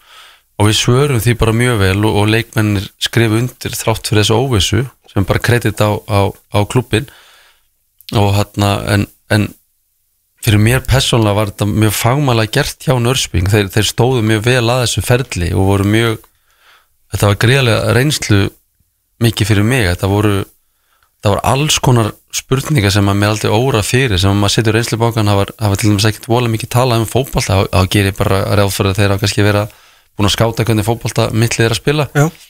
rosalega mikið fjallað um leadership og, og samskipti við stjórnendur og samskipti við leikmenn og samskipti við mídja og samskipti við stuðningsmenn og allur pakkin og bauna úr mig frá öllum áttum sko. það var ekki bara einn aðal heldur, nokkrir og þannig að þetta var mjög, mjög mikið respekt hvernig þeir fóru í gegnum þetta ferli Já, mann er fast ferlið ekkit, ekkit óæðilegt þannig. Þeir eru í rebuild fasa og þurft að velja vel þannig að þú veist, að, Já, það er svo sem ekkit eitthvað óæðilegt eins og segir náttúrulega bara kannski vikingar náttúrulega stressa þeir meira heldur en eitthvað annað sko. Já, kannski öll þessi óvisa bara kannski hefur áhrif eðlilega sko. þetta, er, þetta er mikið og stórt tíðanbíl sem vingur að fara í gegnum Já. á last þessi sísunni mikla fjárfestingar og, og svona eðlilegt að, að kannski menn vilja fá í þetta mál Já. Og svo er náttúrulega þrátt fyrir að þetta hafi runnið út í sandinn og má segja að þetta hafi verið kannski ákveðin auglýsinga herfer fyrir þig í, á sænska markaðin. Þú varst náttúrulega til umfjöllunar í öllum sænsku miðlum dag eftir dag eftir dag.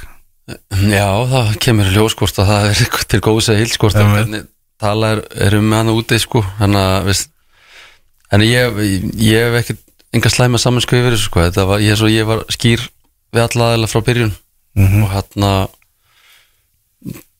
ég held bara þetta er allt fótballtafólk sem að er að standa í þessu. Þetta er skrítið leikustundu hjá okkur sko, þetta er svona að gengur á ymsu baku tjöldin. Uh, en að endunum þá held ég allir skilja þetta bara, veist, það var einn aðli sem var ekki tilbúin að selja og, og þá var það vola erfið sko, einhver ætlar að borga eitthvað fyrir húsi ykkar og þeir eru bara ekki tilbúin að selja.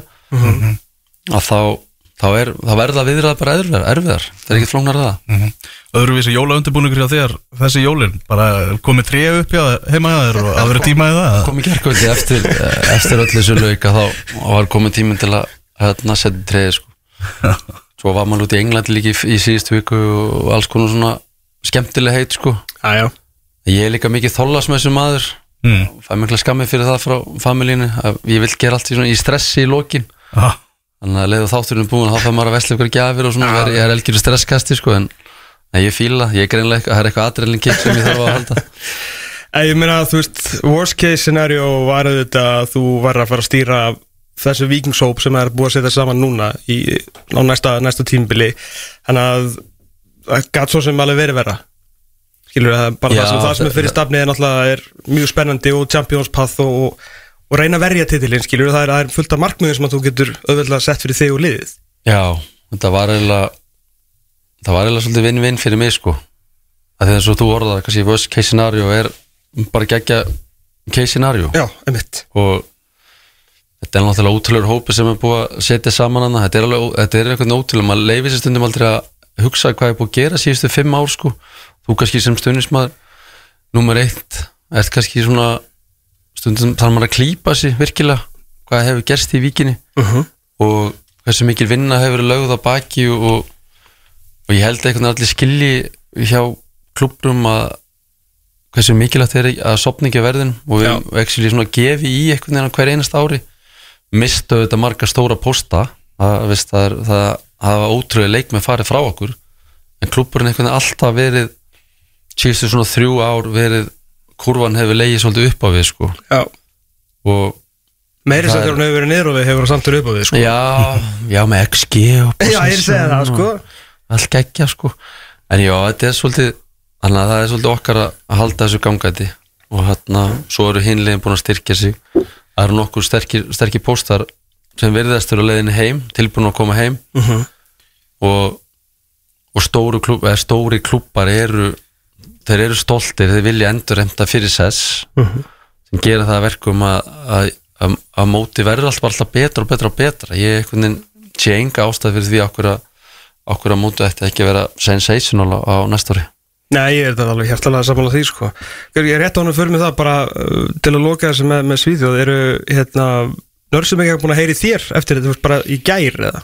Eða bara sænski fréttamann Já, með ekkert, mítja bara, bara stjórnamenn og, og, og, fleiri bara bara spyrja hvort að hvort það sé lokað, hvort það sé hvort það sé ennþá möguleiki og, og, og það er basically alltaf sama svari bara takk fyrir respektið og takk fyrir allt sem þið hafa sínt mér en þarna þið verður bara að ræða vikingana það er ekkert flókið, það er ekkert svo sem ég get gert sko. Þannig að, já.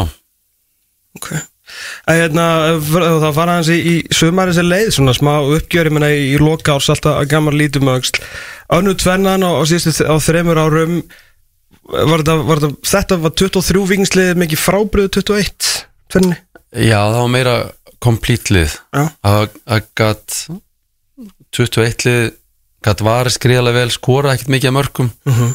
var mjög solid lið uh, 22 útgáðan gat skora mikið að mörgum en átti það til að fá þess að einu mörg mörg líka fyrir minn smekk?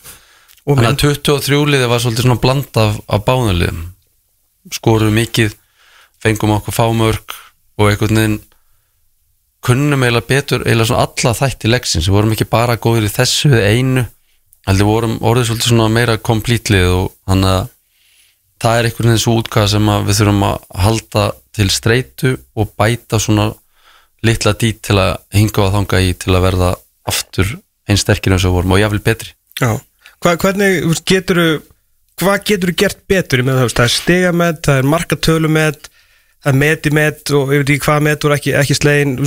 Hvernig hvernig ætlar að gera þetta liðið betra?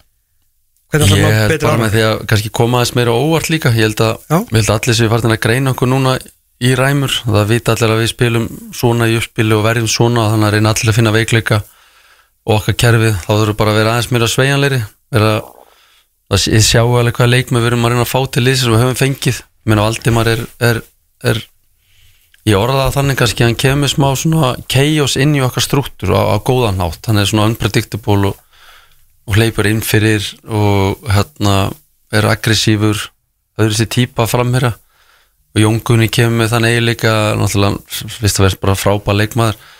Og hann getur komið sendingar inn fyrir, hann er líka að fá svona sveigjanleika í okkar sóknarleik. Þannig að ég held bara svona höldum ok við okkar kerfi en svona bætum 5% í allt sem við höfum verið að gera. Og eitt með sem við höfum til þess slóum ekki það var fæst mörgfengin á okkur. Þannig að það er, eitthvað, það er alltaf eitthvað markmið. Já. og svo líka bara ég bara neita einhvern veginn að trúa að þetta sé ekki hægt að, kompýta á, á, á, á báðum vikstum hér heima og ásamt því að ná góðum áragar þetta, þetta þetta er hægt, það er bara einhvern veginn þarf alltaf að, að smetla sama, það er að vera mjög gott undirbúinstíðinbil alveg þaul hugsað og útpælt hvernig æfingarna verða. Alla skiptingar og rotation á miðru sumali þegar álæði verður hvað mest þarf að vera útpælt og svo náttúrulega bara hungur til stað hjá öllum leikmannhófn þannig að veist, ég tel þetta sér vel hægt. Við fórum nála þessu 22, ekki alveg samt en við vorum að spila þar við greiðlega sterk anstæðan í eurukemni vorum svona nála því að verða að berjast um titilin alveg fram að úslækjana úslækjana alltaf fjara þetta bara út og við unnu byggar þannig að bæta ofan á 22 árið og þá er þetta vel dúaból Það er svona því sem að hafi náð lengst í þessu er oft talað um sko þið munið ekki eftir og það er meira töpin hverju hérna hversu sárt situr ríka eftir þér? Það voru, voru greiðaleg vonbrið sko. Ég held að útileikunum var eiginlega svona já, það, ég, maður fór í mikla nafla sko eftir þann leik, sérstaklega fyrra álgi að það var einhvern veginn menn var einhvern veginn svolítið úber tensaðar einhvern veginn og gerðu svona mistök sem að erfitt er að útskýra. Og þá kannski kennum við bara líka sjálfisur um kannski hvernig undirbungu að hátta voru einhvern veginn að spenna bóan og hátt og, en þess og það en það er alltaf einhver leið til að gaggrina hvað maður gerði. Heimalíkurinn var frábær, það var eitt sá best í, í sumar á móti sterkum anstæðikum það, það er einmitt oft tala um Evrópa árangur okkar og það, það er skemmtileg skot á milli og þess að það sko en, en og það er rétt, við, við höfum ekki oft tekist að komast í gegnum tveggja leikja innvi en, en að samaskapu hefur mætt greiðlega sterkum anstæðingum í leikja innvi og erum ekki með mjög góðan Európarangur, við höfum ekki tapað heimaðalli ég held að við hafum spilað 11 Európaleiki, unnið 5 2 jættibli og 4 töp og þessi 4 töp er á móti anstæðingur sem eru bara sterkir virkilega sterkir, þannig að ég hef enga ástæð til að óttast Európakefna þetta er bara að þarf að, að, þarf að vera hefni með drátt. En ef þú ert ekki heppin þá lítið svolítið á færi, hvernig færiðin gerir þetta? Þá þarftu að actually vera competitive, þarftu að actually að gefa góðleik og mögulega þarftu að leggja kannski eko aðeins til hliðar og spila aðeins öðru sér leik en þú gerir á, á heimaðalli í, í bestöldinni uh, hver ekki slóðu færingum slóðu Ferrin Svaras frá Hollandi, slóðu Hakken út frá Svíþjóð. Þetta er allt hægt í fútbolta en þú þarfst að vera klókur og þarfst að vera flexible og, og spila kannski öðru leika útivelli heldur en heimaðalli og, og gera bara hvað þú getur til, til að vinna. Það, það gleymast orðin svo framistur og svoleiðis að það eru frábær orð og svoleiðis sko en til hvers erum við í þessu? Erum við ekki í þessu til að vinna? Við erum að vinna leiki, við erum að komast áfram, vinna Þann- þannig að þannig snýst árið 2024 um fyrir okkur, bara finna alla leið til að vinna alla leiki Er Európa efst þar nú fyrir tímbiliða? yeah. Það er rosalega góð spurning sko, er erfitt deildin er alltaf alltaf nummer eitt sko Já en svo, svo spila, spyrja sitt í vilja Champions League núna í stað fyrir deildana, ég held að þeir þeir væri að ljúga, þeir myndi ekki segja já sko, að þeir eru búin að vinna deildina. En ef þú myndir spyrja mig, viltu vinna deildina frekan að komast í reyðlakefni það er mjög erfitt svar sko. Já.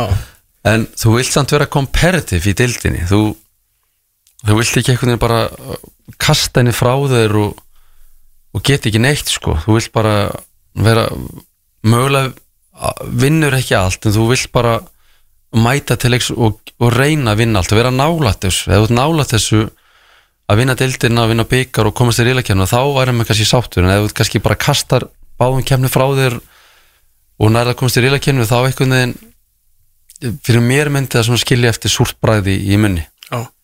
Hvað er hérna, uh, sko þú varst alveg með þokkala stóran hóp á, á síðustu leiktíð, allan að allan að varamærindir gerði nú heldur betur oft ge, ge, góða hluti, sérstaklega Ari Sigurpálsson. Uh, komið ennþá stærri hóp núna og náttúrulega svo Elvar Bendöðin í byrjun þáttar að stængi settun upp bjöliðið þitt sem að geta nú eflust náða efri hlutar hún líka sko. Já, það var frábær hugmynd hjá okkur að gera það þegar kveikti heldur betur í nokkur leikmenn sem voru í bjöliðinu sko. Já, einmitt, að stykki perfect. Mattias Viljánsson í bjöliðinu Já, þannig að það var geggja sko. Fá svona motivasjón fyrir mig veit fyrir jóls, alveg geggja sko. Eh, hérna er allan að hópurinn er stór þannig að það, þú veist, að mikilvægt fyrir þig og ykkur að vera í keppnunum til þess að búa til verkefni fyrir þess að gæða en það sé auðvöldar Mhm. fyrir þig en þetta verður samt vantilega alveg verkefni.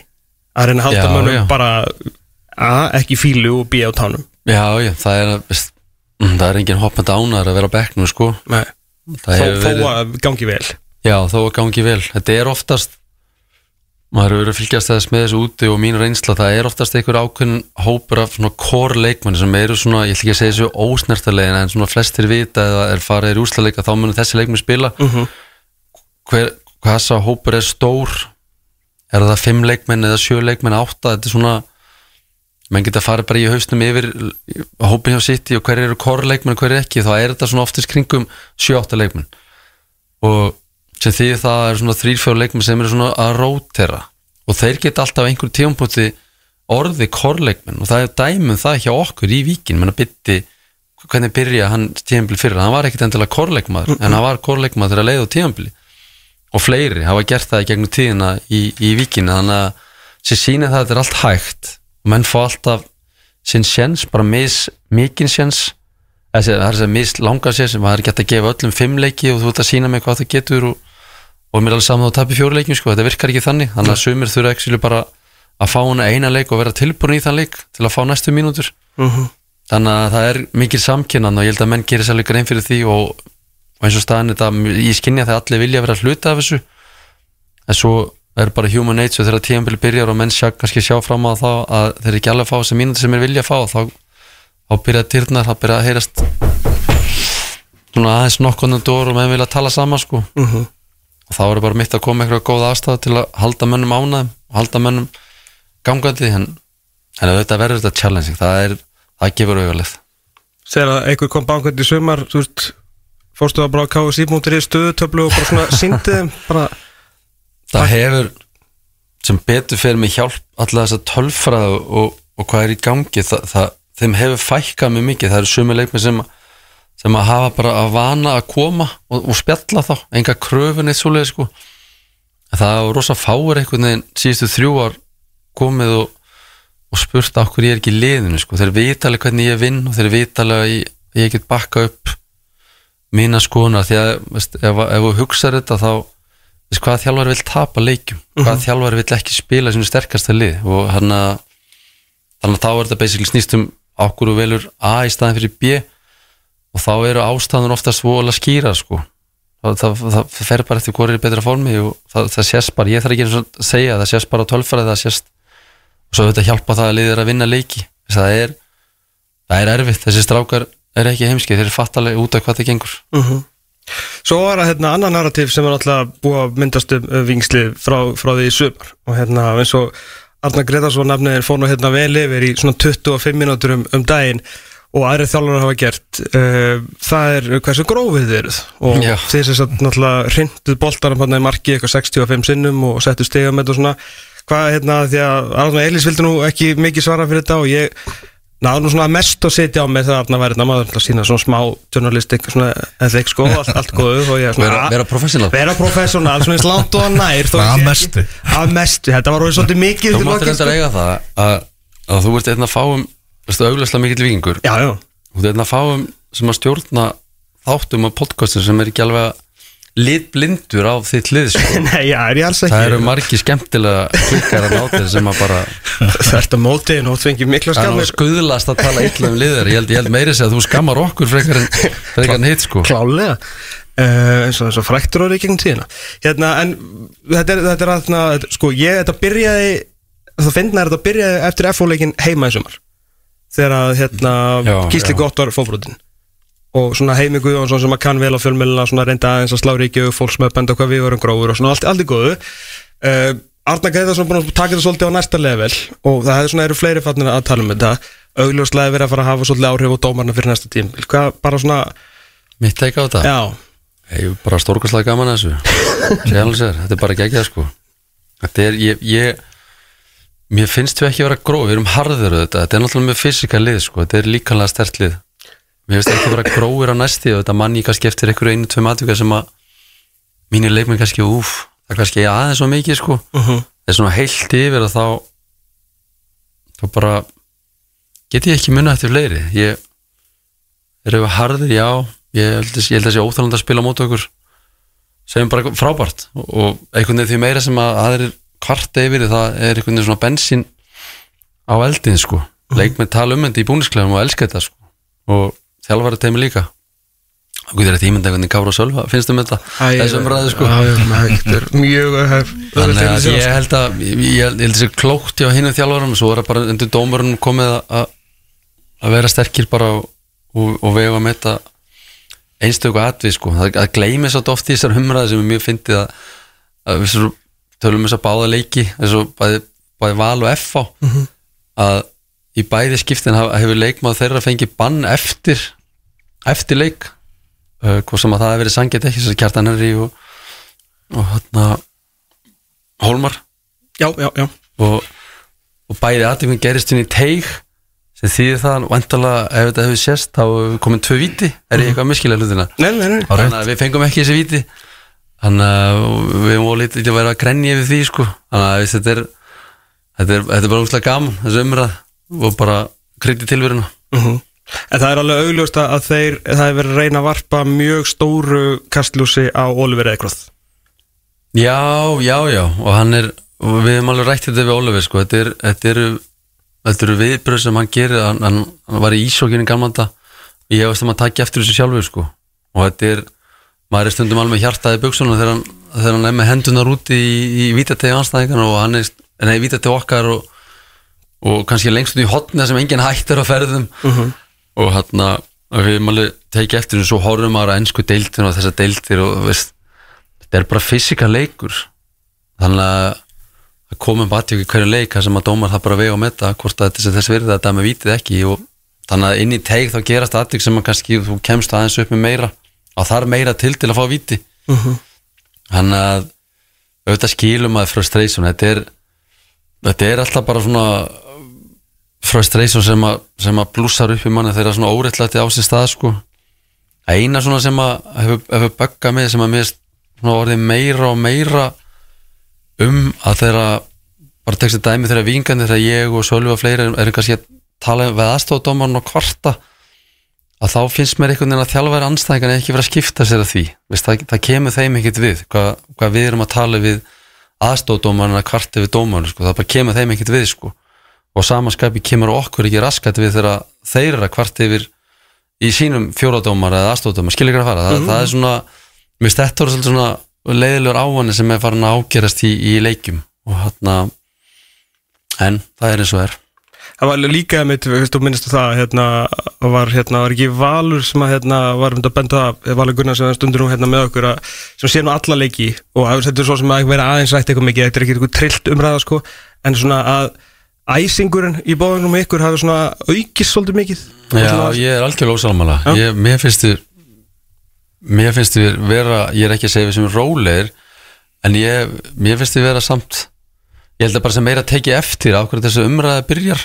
Og ég held líka og bóðingan er svo nálat blaðamunum að einhvern veginn það það megi aldrei koma upp neitt atvikin einu einsta leik sem, að, sem er bara sem, er, sem að gerist, Vist, við viljum ekki að þjálfara séu bara eins og einhverju spýtur á liðalínu sko, þeir eru verið að vera passionate en svo kom upp stóra atvik kannski eitt eða tvö í leik og þá kannski kemur auðvitað hiti í mönnum en, en við erum ekki nöldrand allar leikin það, það getur vel verið í þessi blindu á mitt lið sko. En þetta er bara þessi umræð er náttúrulega bara skemmtileg og við erum náttúrulega bara hluta af ykkur entertainment kerfið en sko. Ég ætla að vona að við gerum ekki, okkur, okkur ekki algjöru fíblum í hverju leik en, en, en þegar það gerist þá höldum við upp hendur og reynum að segja sorry maður held að þetta myndi bara snart ég held að það sem ekkert verri eða betur en önnu lið þegar það eru þjálfarar. Nei, ég maður held að þetta myndi bara skána þegar eina flutt út sko. Það er langt mest kvartaði Já, það er náttúrulega sterkir karakter þannig að við sem að við, út með Sölv og Kárist með bekknum og svo með Karta Klía og, og hann er bara veist, veist, hann má ekki segja ég elska það hljómar hann sé að nöldra sko, er með einhvern veginn þannig malróm. Þannig að þetta er svolítið svona er þetta eitthvað sem ég vil breyta? Nei, alls ekki sko og, og svo er þetta bara það er, það er bara kallt á toppnum þetta er ekkit flóknar það, það og ég myndi gera nákvæmlega sama ef einhver önnur lið væri á toppnum og þú vilt reyna að finna einhverja liði til að klekja þeim. Þannig að ég, er þetta ekki bara hrós? Já, ég, þú veist, bara menn taka þessu og vil taka en er ekki svona aðalega það bara, veist, Íslendingar eiga mjög erfitt með dominans, sko. Að sé eitthvað svona, það tók reyndar aðeins lengri tíma með FO, ég vant að pæla í þessum daginn, sko, FO þurfti alveg að vinna einhvern veginn svona fjóra-fimm titla, sko, ára þeir eruðu jafn hataður og þeir voru sko. Já, að hérna, þetta er svona tekið að skemmri tíma ég veit ekkert af hverju það er en kannski bara þegar meiri umfullun og eitthvað þannig sko en hérna, en allan að þetta er, þetta er svona svipa á að gerast og gerist með F á, sín tíma sko. Já, ég held að sé ekki endilega bundi líka af Íslandi Þetta er öllunulegt líka held ég svona Dominus affektin að þá svona þetta er bara minna samfélag. Já, þá vilja menn einhvern veginn að er þetta ekki bara komið gott sko. Já, og hérna en svo kannski er þetta kannski bara eina eða tvær ratti sem eru kannski bara uh, háarar og endur spekla kannski ekki endilega vilja þjóðurinn Nei, svo, svo er það. Herri, hérna, það var alveg listyrkjur í, í vikunni. Uh, Valdimar Þór Ingemundarsson veitur nákvæmlega hvað hann kemur að borðinu. Þetta verður eins og varst að lýsa á hann. Uh, Pálmi bara njárviking fyrir njárviking uh, þegar því kemur ef hann verður svo lengi og eflugur stráku vantarlega það er að gera eitthvað til að spila mingirlegum úlvana, það segir sér sjálft. Svo er það svona förðulega í svo eða svona óvænta öðruvísi, það er Jón Kunni Fjólusson ekki spilaði tvö ár. Við vitum nákvæmlega hvað hann getur þegar hann er heill og á fótum. Stórkostluð meðverur með eina, vinstri löp sem maður hefur nokkuð tíma séð. Bara það er hann og Bjarni Ólafur og svo eru 70 bara metrar í næsta mann. Hvað ertu, við hvað ertu að búast frá Jón Kunni? Hverju þóra að búast við? Já, sko sko fyrstalega er crossbandaslið það er ekki döðadómur sko. Nei, hann var, hann var óöpil lendi því og svo var hann enn óöpil lendi í síkingu eftir að aðgjörna var afstæðin og allt svoleið sko en þannig að meislin er ekki döðadur um að sé einn og sér en þetta er þetta skerið að tvö ár séu liðin og, og ekki einu mínúndin á velli sko.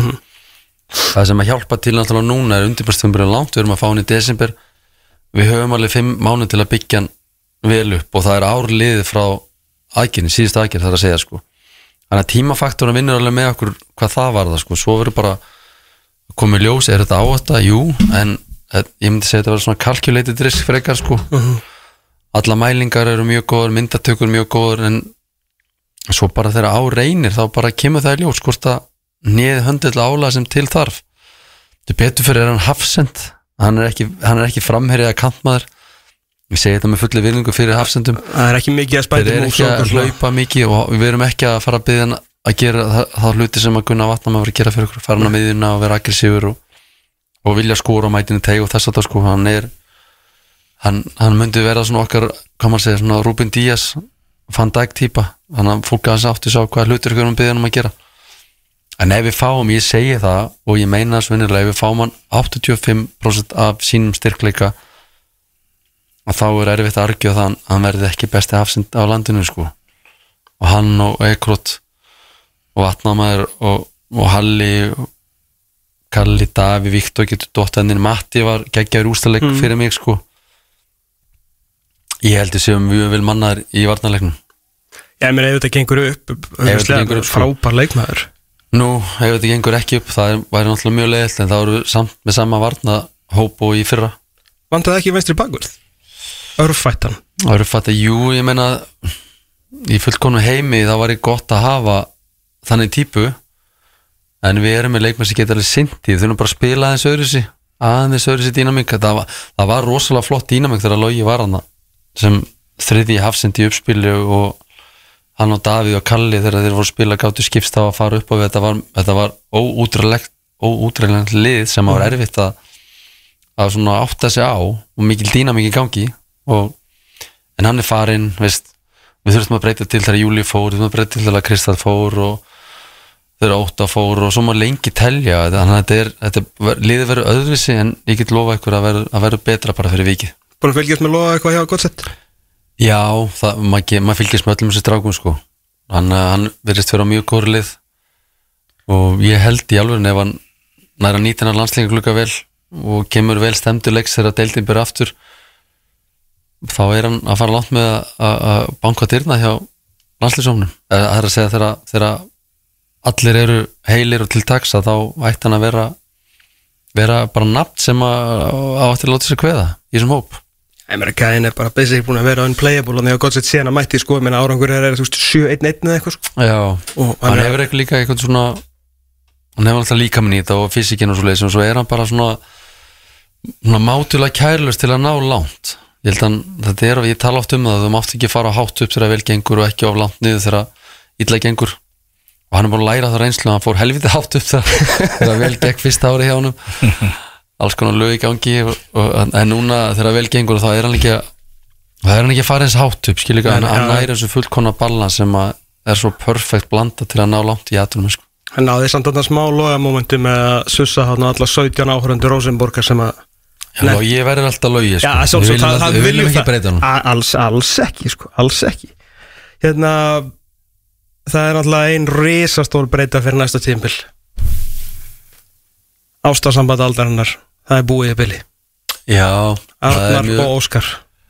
Það er hérna Sögulínu lokið. Það er sorglega sko. Mm. það er sorglegt fyrir alla, það er sorglegt fyrir mig. Mér var gaman þess hann, hann púsaði mig mjög mikið. Og hérna en þetta er frábært múf fyrir hann. Já, á og hann bara vonandi gengur hann sem allra best. Og ég hef enga ástæð til að ætlast til að, til að svo verði. Og líka bara, ég held líka blikandi verða bara þannig sé sterkari fyrir vikið. Þeir, þeir eru að gangi gegnum smá öldudal núna þetta er tífambil en breðablík verður alltaf breðablík sko. þeir voru breðablík fyrir Óskar og verða breðablík eftir Óskar. Þannig að, þannig að þetta eru ennþá með greiðilega sterkan, sterkan hóp og munur örugglega styrkja sig mikið. Sko, fóruð þið í einhvern veginn úr því að þið voru bara svona mátulegi félagar Þeir eru ekkert einhver eskuvinnir að þannig. Nei, nei, bara, veist þekst lengi. kynntiskenni fótboltan í gamla Já. Þannig þeir eru svona bara, það er respekt og þeir eru svona félagar, kunningjar kannski, bara allt í lagi, svo er það svona þjálfa svo er þetta svona respectful SMS svo er þetta svona respectful but spiteful og svo bara hætti að tala saman ekki? Er það ekki svona Já, sögur við, mínir, við, kannski, við, við áttum alltaf góða stundir og eigum góða stundir þegar við hittum sko. Er það? fáið skiptið, já, já, við áttum góða stundir í Skotlandi fyrir mótið undir 19 ára, tókum dinnera saman og hérna, það er, það er ekkit Í sumar?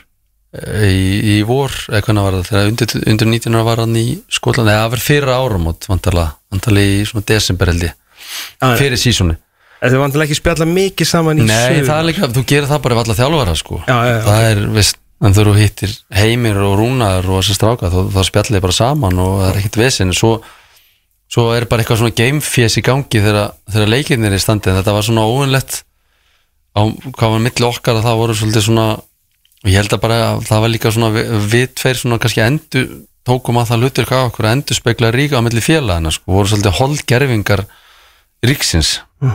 Og eiginlega fórum eða svolítið ólinn hvað það var.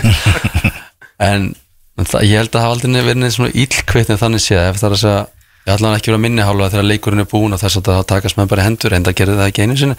Að jú er þetta að gera það. En alltaf eh, og, og hérna svo bara áfram gakk sko. Þannig á leikurinn að vera. Þá einhvern veginn uh, veist, það má bulla hvað sem er fyrir leik og, og meina leikstendur en svo er leikurinn búinn og þá þarf að vera respekt og, og tekst í hendur og þú reynir bara að vinna hann aftur ef að það hef ekki tekist í það skipti. Já. En, en þetta var gaman með að við hérna lætin í, í hérna bósbyggarnum daginn þessir nafnaðir Átna Gretarsson taka svona taka kindilinn Já, ég, enda, ég sá þetta bara í blöðuna sko, ég, ég veit ekki alveg hvað fór fram að það sko, þetta er en ég meina bósbyggar í desember ef að það er að störa upp svona tilfinningar þá getur maður ekki beðið, þá getur að bestadeldin byrja sko. tóku þið ekki eitthvað um daginn líka? Jú, það var, viðst, það var bara svo gengur að gera sko. það, það var alveg tekist í hendur eftir leiki og allt svo leið, sko. það var ekkit svona með að við lýsingana þá var, var það ekkit í líkingu við það sem gerist þarna í, Nei, ok, ok, ok. á milli, milli þeirra sko. En hérna en sér maður þetta svo ekki allstað bara, menn er einhvern veginn ástriðu fullir og svo er líka bara stress í gangi, það er mikið í húfi veist.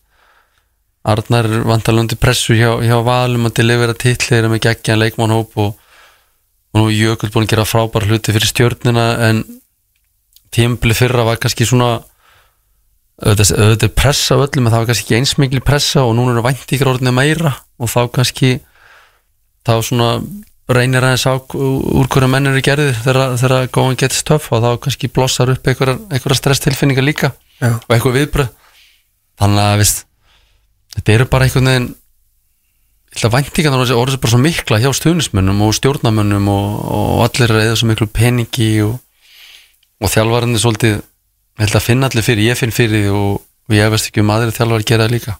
Já. Hérna, rétt aðeins að við vorum að horfa að fylgjast með hérna skagaþáttan um daginn nema þú varst með eitthvað meir um vikingarvar að hérna geggjaðar heimildir og geggjaðar myndir að sjá og hérna þið bræðið náttúrulega komið að þessu bæði fyrst og svo þú með þessa ævintýralegu endur komu á, á, sínum tíma. Uh, hversu gaman var að horfa á þetta svona tilbaka?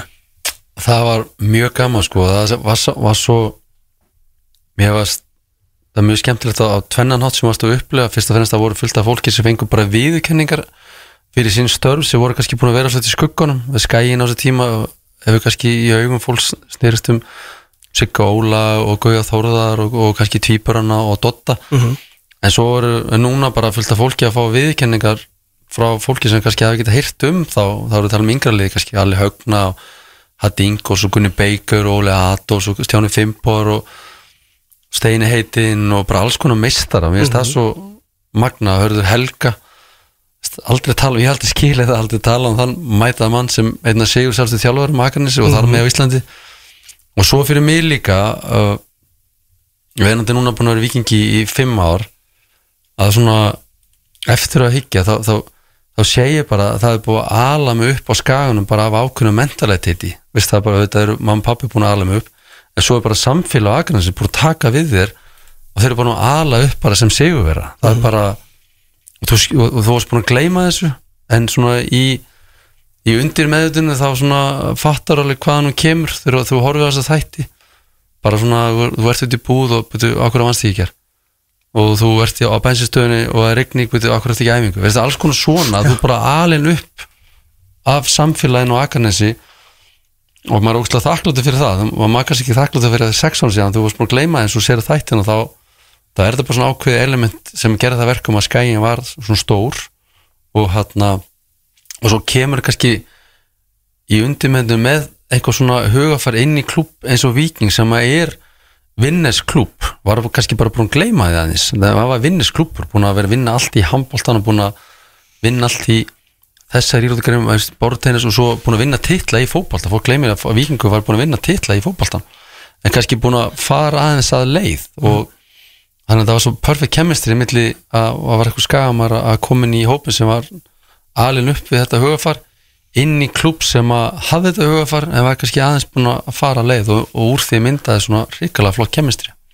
Það er mynd skemmt að þú minnist um þetta á þess að þessa þrjá sem að eru alltaf sem eru mikið í þessu Hatti, hérna, Ali Högna og, og Leadól sko. þetta er svona lítið talað um það og þeir fá mikið kredit í þessu þarna sko. þeir eins og hérna því ég elst upp með þessu lið og þetta er alltaf bara liðið mitt að því að vikingu fellur þarna þeim tíma liðið mitt. Þessu deild og sá alla leikina hérna.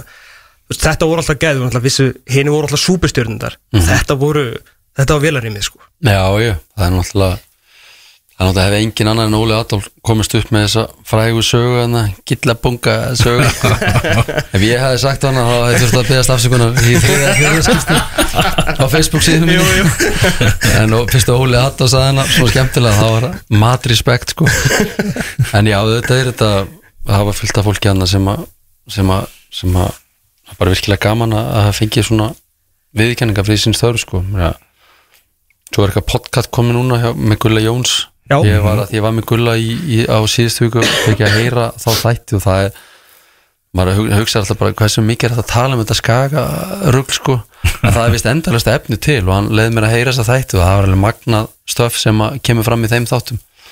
Já, svo líka hérna, sem að þeir gerðu upp á skaga strákarnir hérna, ekki sögurslóðinni sko, það það er einu verið búið að gera þetta áður sko. Já. þannig að það er líka til og það, er, hérna, það eru risasögur það, Ég ætla að Hjörvar að spilaði þetta hjá sér þegar hvort er að Jón Gunnlaugs eða er ekki Jón Gunnlaugs sem hann segið að hann ætla langaði að reka loga þarna úti í já. þegar hann sá KSI, hann var að ringi KSI og hann sagði þetta bara sjálfur sko Já, svo Nei. líka reynum að svona kannski samtína við ef þetta myndi gerast í dag til dæmis er að Gauji fer hann að 93 til Káar og Pétur fyrir til Káur og svona veist, var hann að samtína hvað, veist, er þetta, er, var þetta svip og ég var hætti breyðabliks í dag skilu þannig að fólk átti þess að hversu stórt þetta var á þessum tíma þegar menn var að skipta um félug svona stór félug hversu mikið hefur gerst bak við tjöldin og hversu mikið fólk hefur talað um þetta að því að var ekki samfélagsmiðla þá sko en þannig að sömtilin voru kannski að fara fram mikið á kaffestöðum og Já. alls konar sólið sko þannig að þetta er þetta er alveg mögnu heimild sko, svo líka bara hversu sterk þessi liði voru, menn 93 liði náttúrulega bara legendary. Og 95 liði var einhver síðra. Að mörguleiti var það kannski sterkari hópur að það voru fleiri un, ungri, strá, strákar sem voru tveim árun eldri. En að mínum að ekki var það ekki eins legendary liðið á 95 að því að, nei 93 fyrir ekki að því að 95 leið bara klúðraði Európa-kemni meðan 93 vann einmitt. Það sem þetta gerir svo skemmtilegt dýnamíkin á milli liðana er að, að annar liði bara skeiti upp á baki Európa með hitt lið náðu sem epic leikan á löðsvelli þannig að að stutt á milli feiks og ófeiks í Já, þessu það er nefnilega málið sko. En fyrst erum að tala um, bara mestara Gula Jónsson og opinbera það nú bara á X-inu samfélagsmiðlunum um, á dögunum að það er að koma þættir um, um þig og, og bróðin Bjarka A og B er, er vinnuhettið og hvað þið heimsóttuð alla klúpana á, á Englandi sem að, sem að þið hafi verið hjá? Já, við áttum mjög skemmtilega ferð núna í Englandi og, Já. og hérna, ég held að þættin að vera kannski aðeins öðru sér heldur en það sem hefur verið í gangi. En það var fyrsta spurningin gulla að er ekki fólk búin að fókja okkur? Ég er endalast að segja sömu sögur aftur, aftur, aftur, en þetta er svona kannski aðeins öðru sér nálgun. Já. og, verður fylgst með okkur lengi. Þannig að það, veist að kannski verður sínt eitthvað af þessu um jólu næsta ári en kannski tekur lengri tíma. Mm og fara aðeins yfir svona, eh, kannski lífið okkar líka. Og þannig að já, þetta var frábært að heimsækja þessa, þessa gömlu klubba og Já. heyra á mismunandi stað með boltanir í sétildin og, og lesterir í, í Championship og svo áttu líka frábært tíma með David Moyes á Vestam, hann var mjög gjafmildur á sinn tíma og fengum að fylgjast með æfingum horfum að Vestam spila og, og það einhvern veginn gerði maður bara ennþá mótivarir að ég reyna að lási lengst í þessu er íþrótt sko, því að maður mikla svo oft fyrir sér hvað hva þessar deildir auðvitað eru að sterkar en það sem við erum að gera hérna heima en, en að þetta endur þetta það er þetta bara fótbalti og taktík og, og það er engar það er engar gamevísindi hvernig þessi lið er að æfa sko, þeir, þeir æfingarnar, þetta er ekkert miklu öðri sem við erum að gera hérna heima. Þannig að En fá vilt- bara aðeins meira að borga? Já, það, þetta, sko, þetta er aðalega tíminn sem að, maður tók svo vel eftir í að, að þú fær bara x marga mínútur út á velli á æfingastöðinu og ég, við erum að gera það jafn vel og út í einu stóra heimi en tíminn fyrir utan æfingatíman á velli, það er miklu meir úti, sko Ah. leikmenn eru, það er stjana við það hægri vinstri út og suður það er morgum út og það er activation og það er nuttið og það er sálfræðingun og það er næringafræðingun og svo er æfingi búin og svo er hátíðismátur og þá er ennþá meiri tími og fundarhald og læti sko, það er bara að gera krafum og þú þert, ert bara til staða sko. Mhm. menn við fáum kannski bara æfingatímana því að menn eru að- komin úr vinnu og þau eru að fara heim og elda mat undir fjölskyldinu sko. Þetta er munur þetta er það sem við þurfum að laga hérna heima. Er þetta ekki sérst mönnurinn á fjögur manna teimi og 40?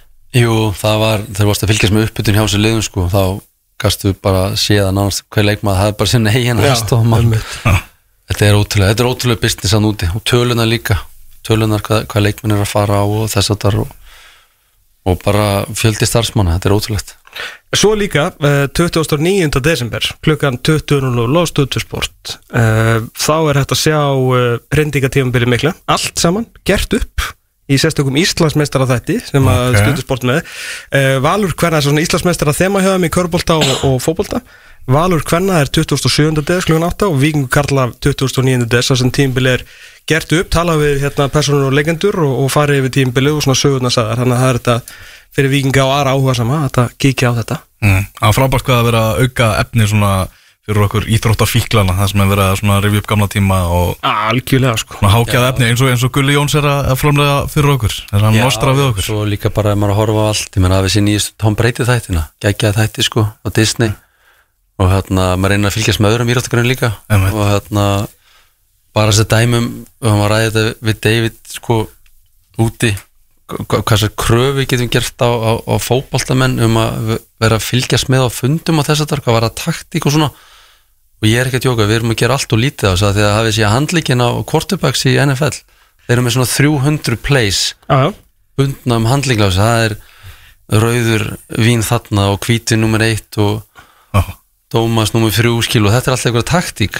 Þetta er bara eitthvað svona playbook sem er á við þúsund blasju sem allir leikmið þurfa að læra og við erum hrættið við að hafa 20 mjöndi fundi í fótbalta skilu þannig að það er við getum gert miklu meira og hérna gert miklu meira kröfur á okkar leikmenn að fokkin lærðu taktíkina eina sko. Já, Já ég hvet allan alla þá sem eru fundarhættir að fara ekki að æfa amerískan fótbolta.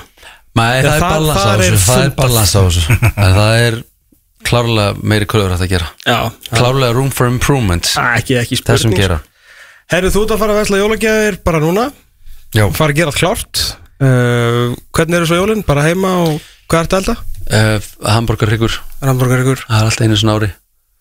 Og hérna, svo bara kósi. Bjarki og familja koma til okkar og bara næs, það er mikið búin að gera í honum líka í þessu máli. Já, þannig að við getum skálað í reyðinslasi og haft það haft það náðugt. Það er gott. Uh, Ekki og þú, hérna, ekki að fara náttúrulega tilumdu sem þjálfar ásins líka og írótumann ásins og svo bara vantilega fer hvernig byrjar æfingar annan januar, Reykjavík komandi byrjar sjötta, byrjar hans fyrir núna þannig að menn er í svona viðhalds æfingum yfir, á, yfir hátíðanar svo bara fulla ferð, svo koma strákvæðinir heim Gunnar kemur heim Oliver kemur heim, hann að allir hópurinn er bara perfect Já, búin að fylgjast með Oliver í fótboltæðingurum á Instagram? Já, ég veist, hann er alltaf þetta er svo flotti strákað sko.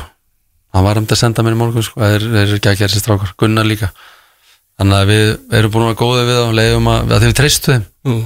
þannig að þeir koma vel hungraði til leiks Ekki spurning, Arna, takk hjá fyrir komuna, gangi vel. Takk hérlega. Á næsta sumri, gleðileg jól. Herri, ég held að við fyrir bara að slúta þessu. Takk hjá fyrir okkur. Við verum hérna aftur með áramóndakefina eftir slétta viku. Vorum með Magga Má, vorum með Arna Gunnlaugs En nú ætlaði að fara að drífa okkur út í jólin. Verum hérna aftur til 6 og 22 tíma. Þangað til, verið sæl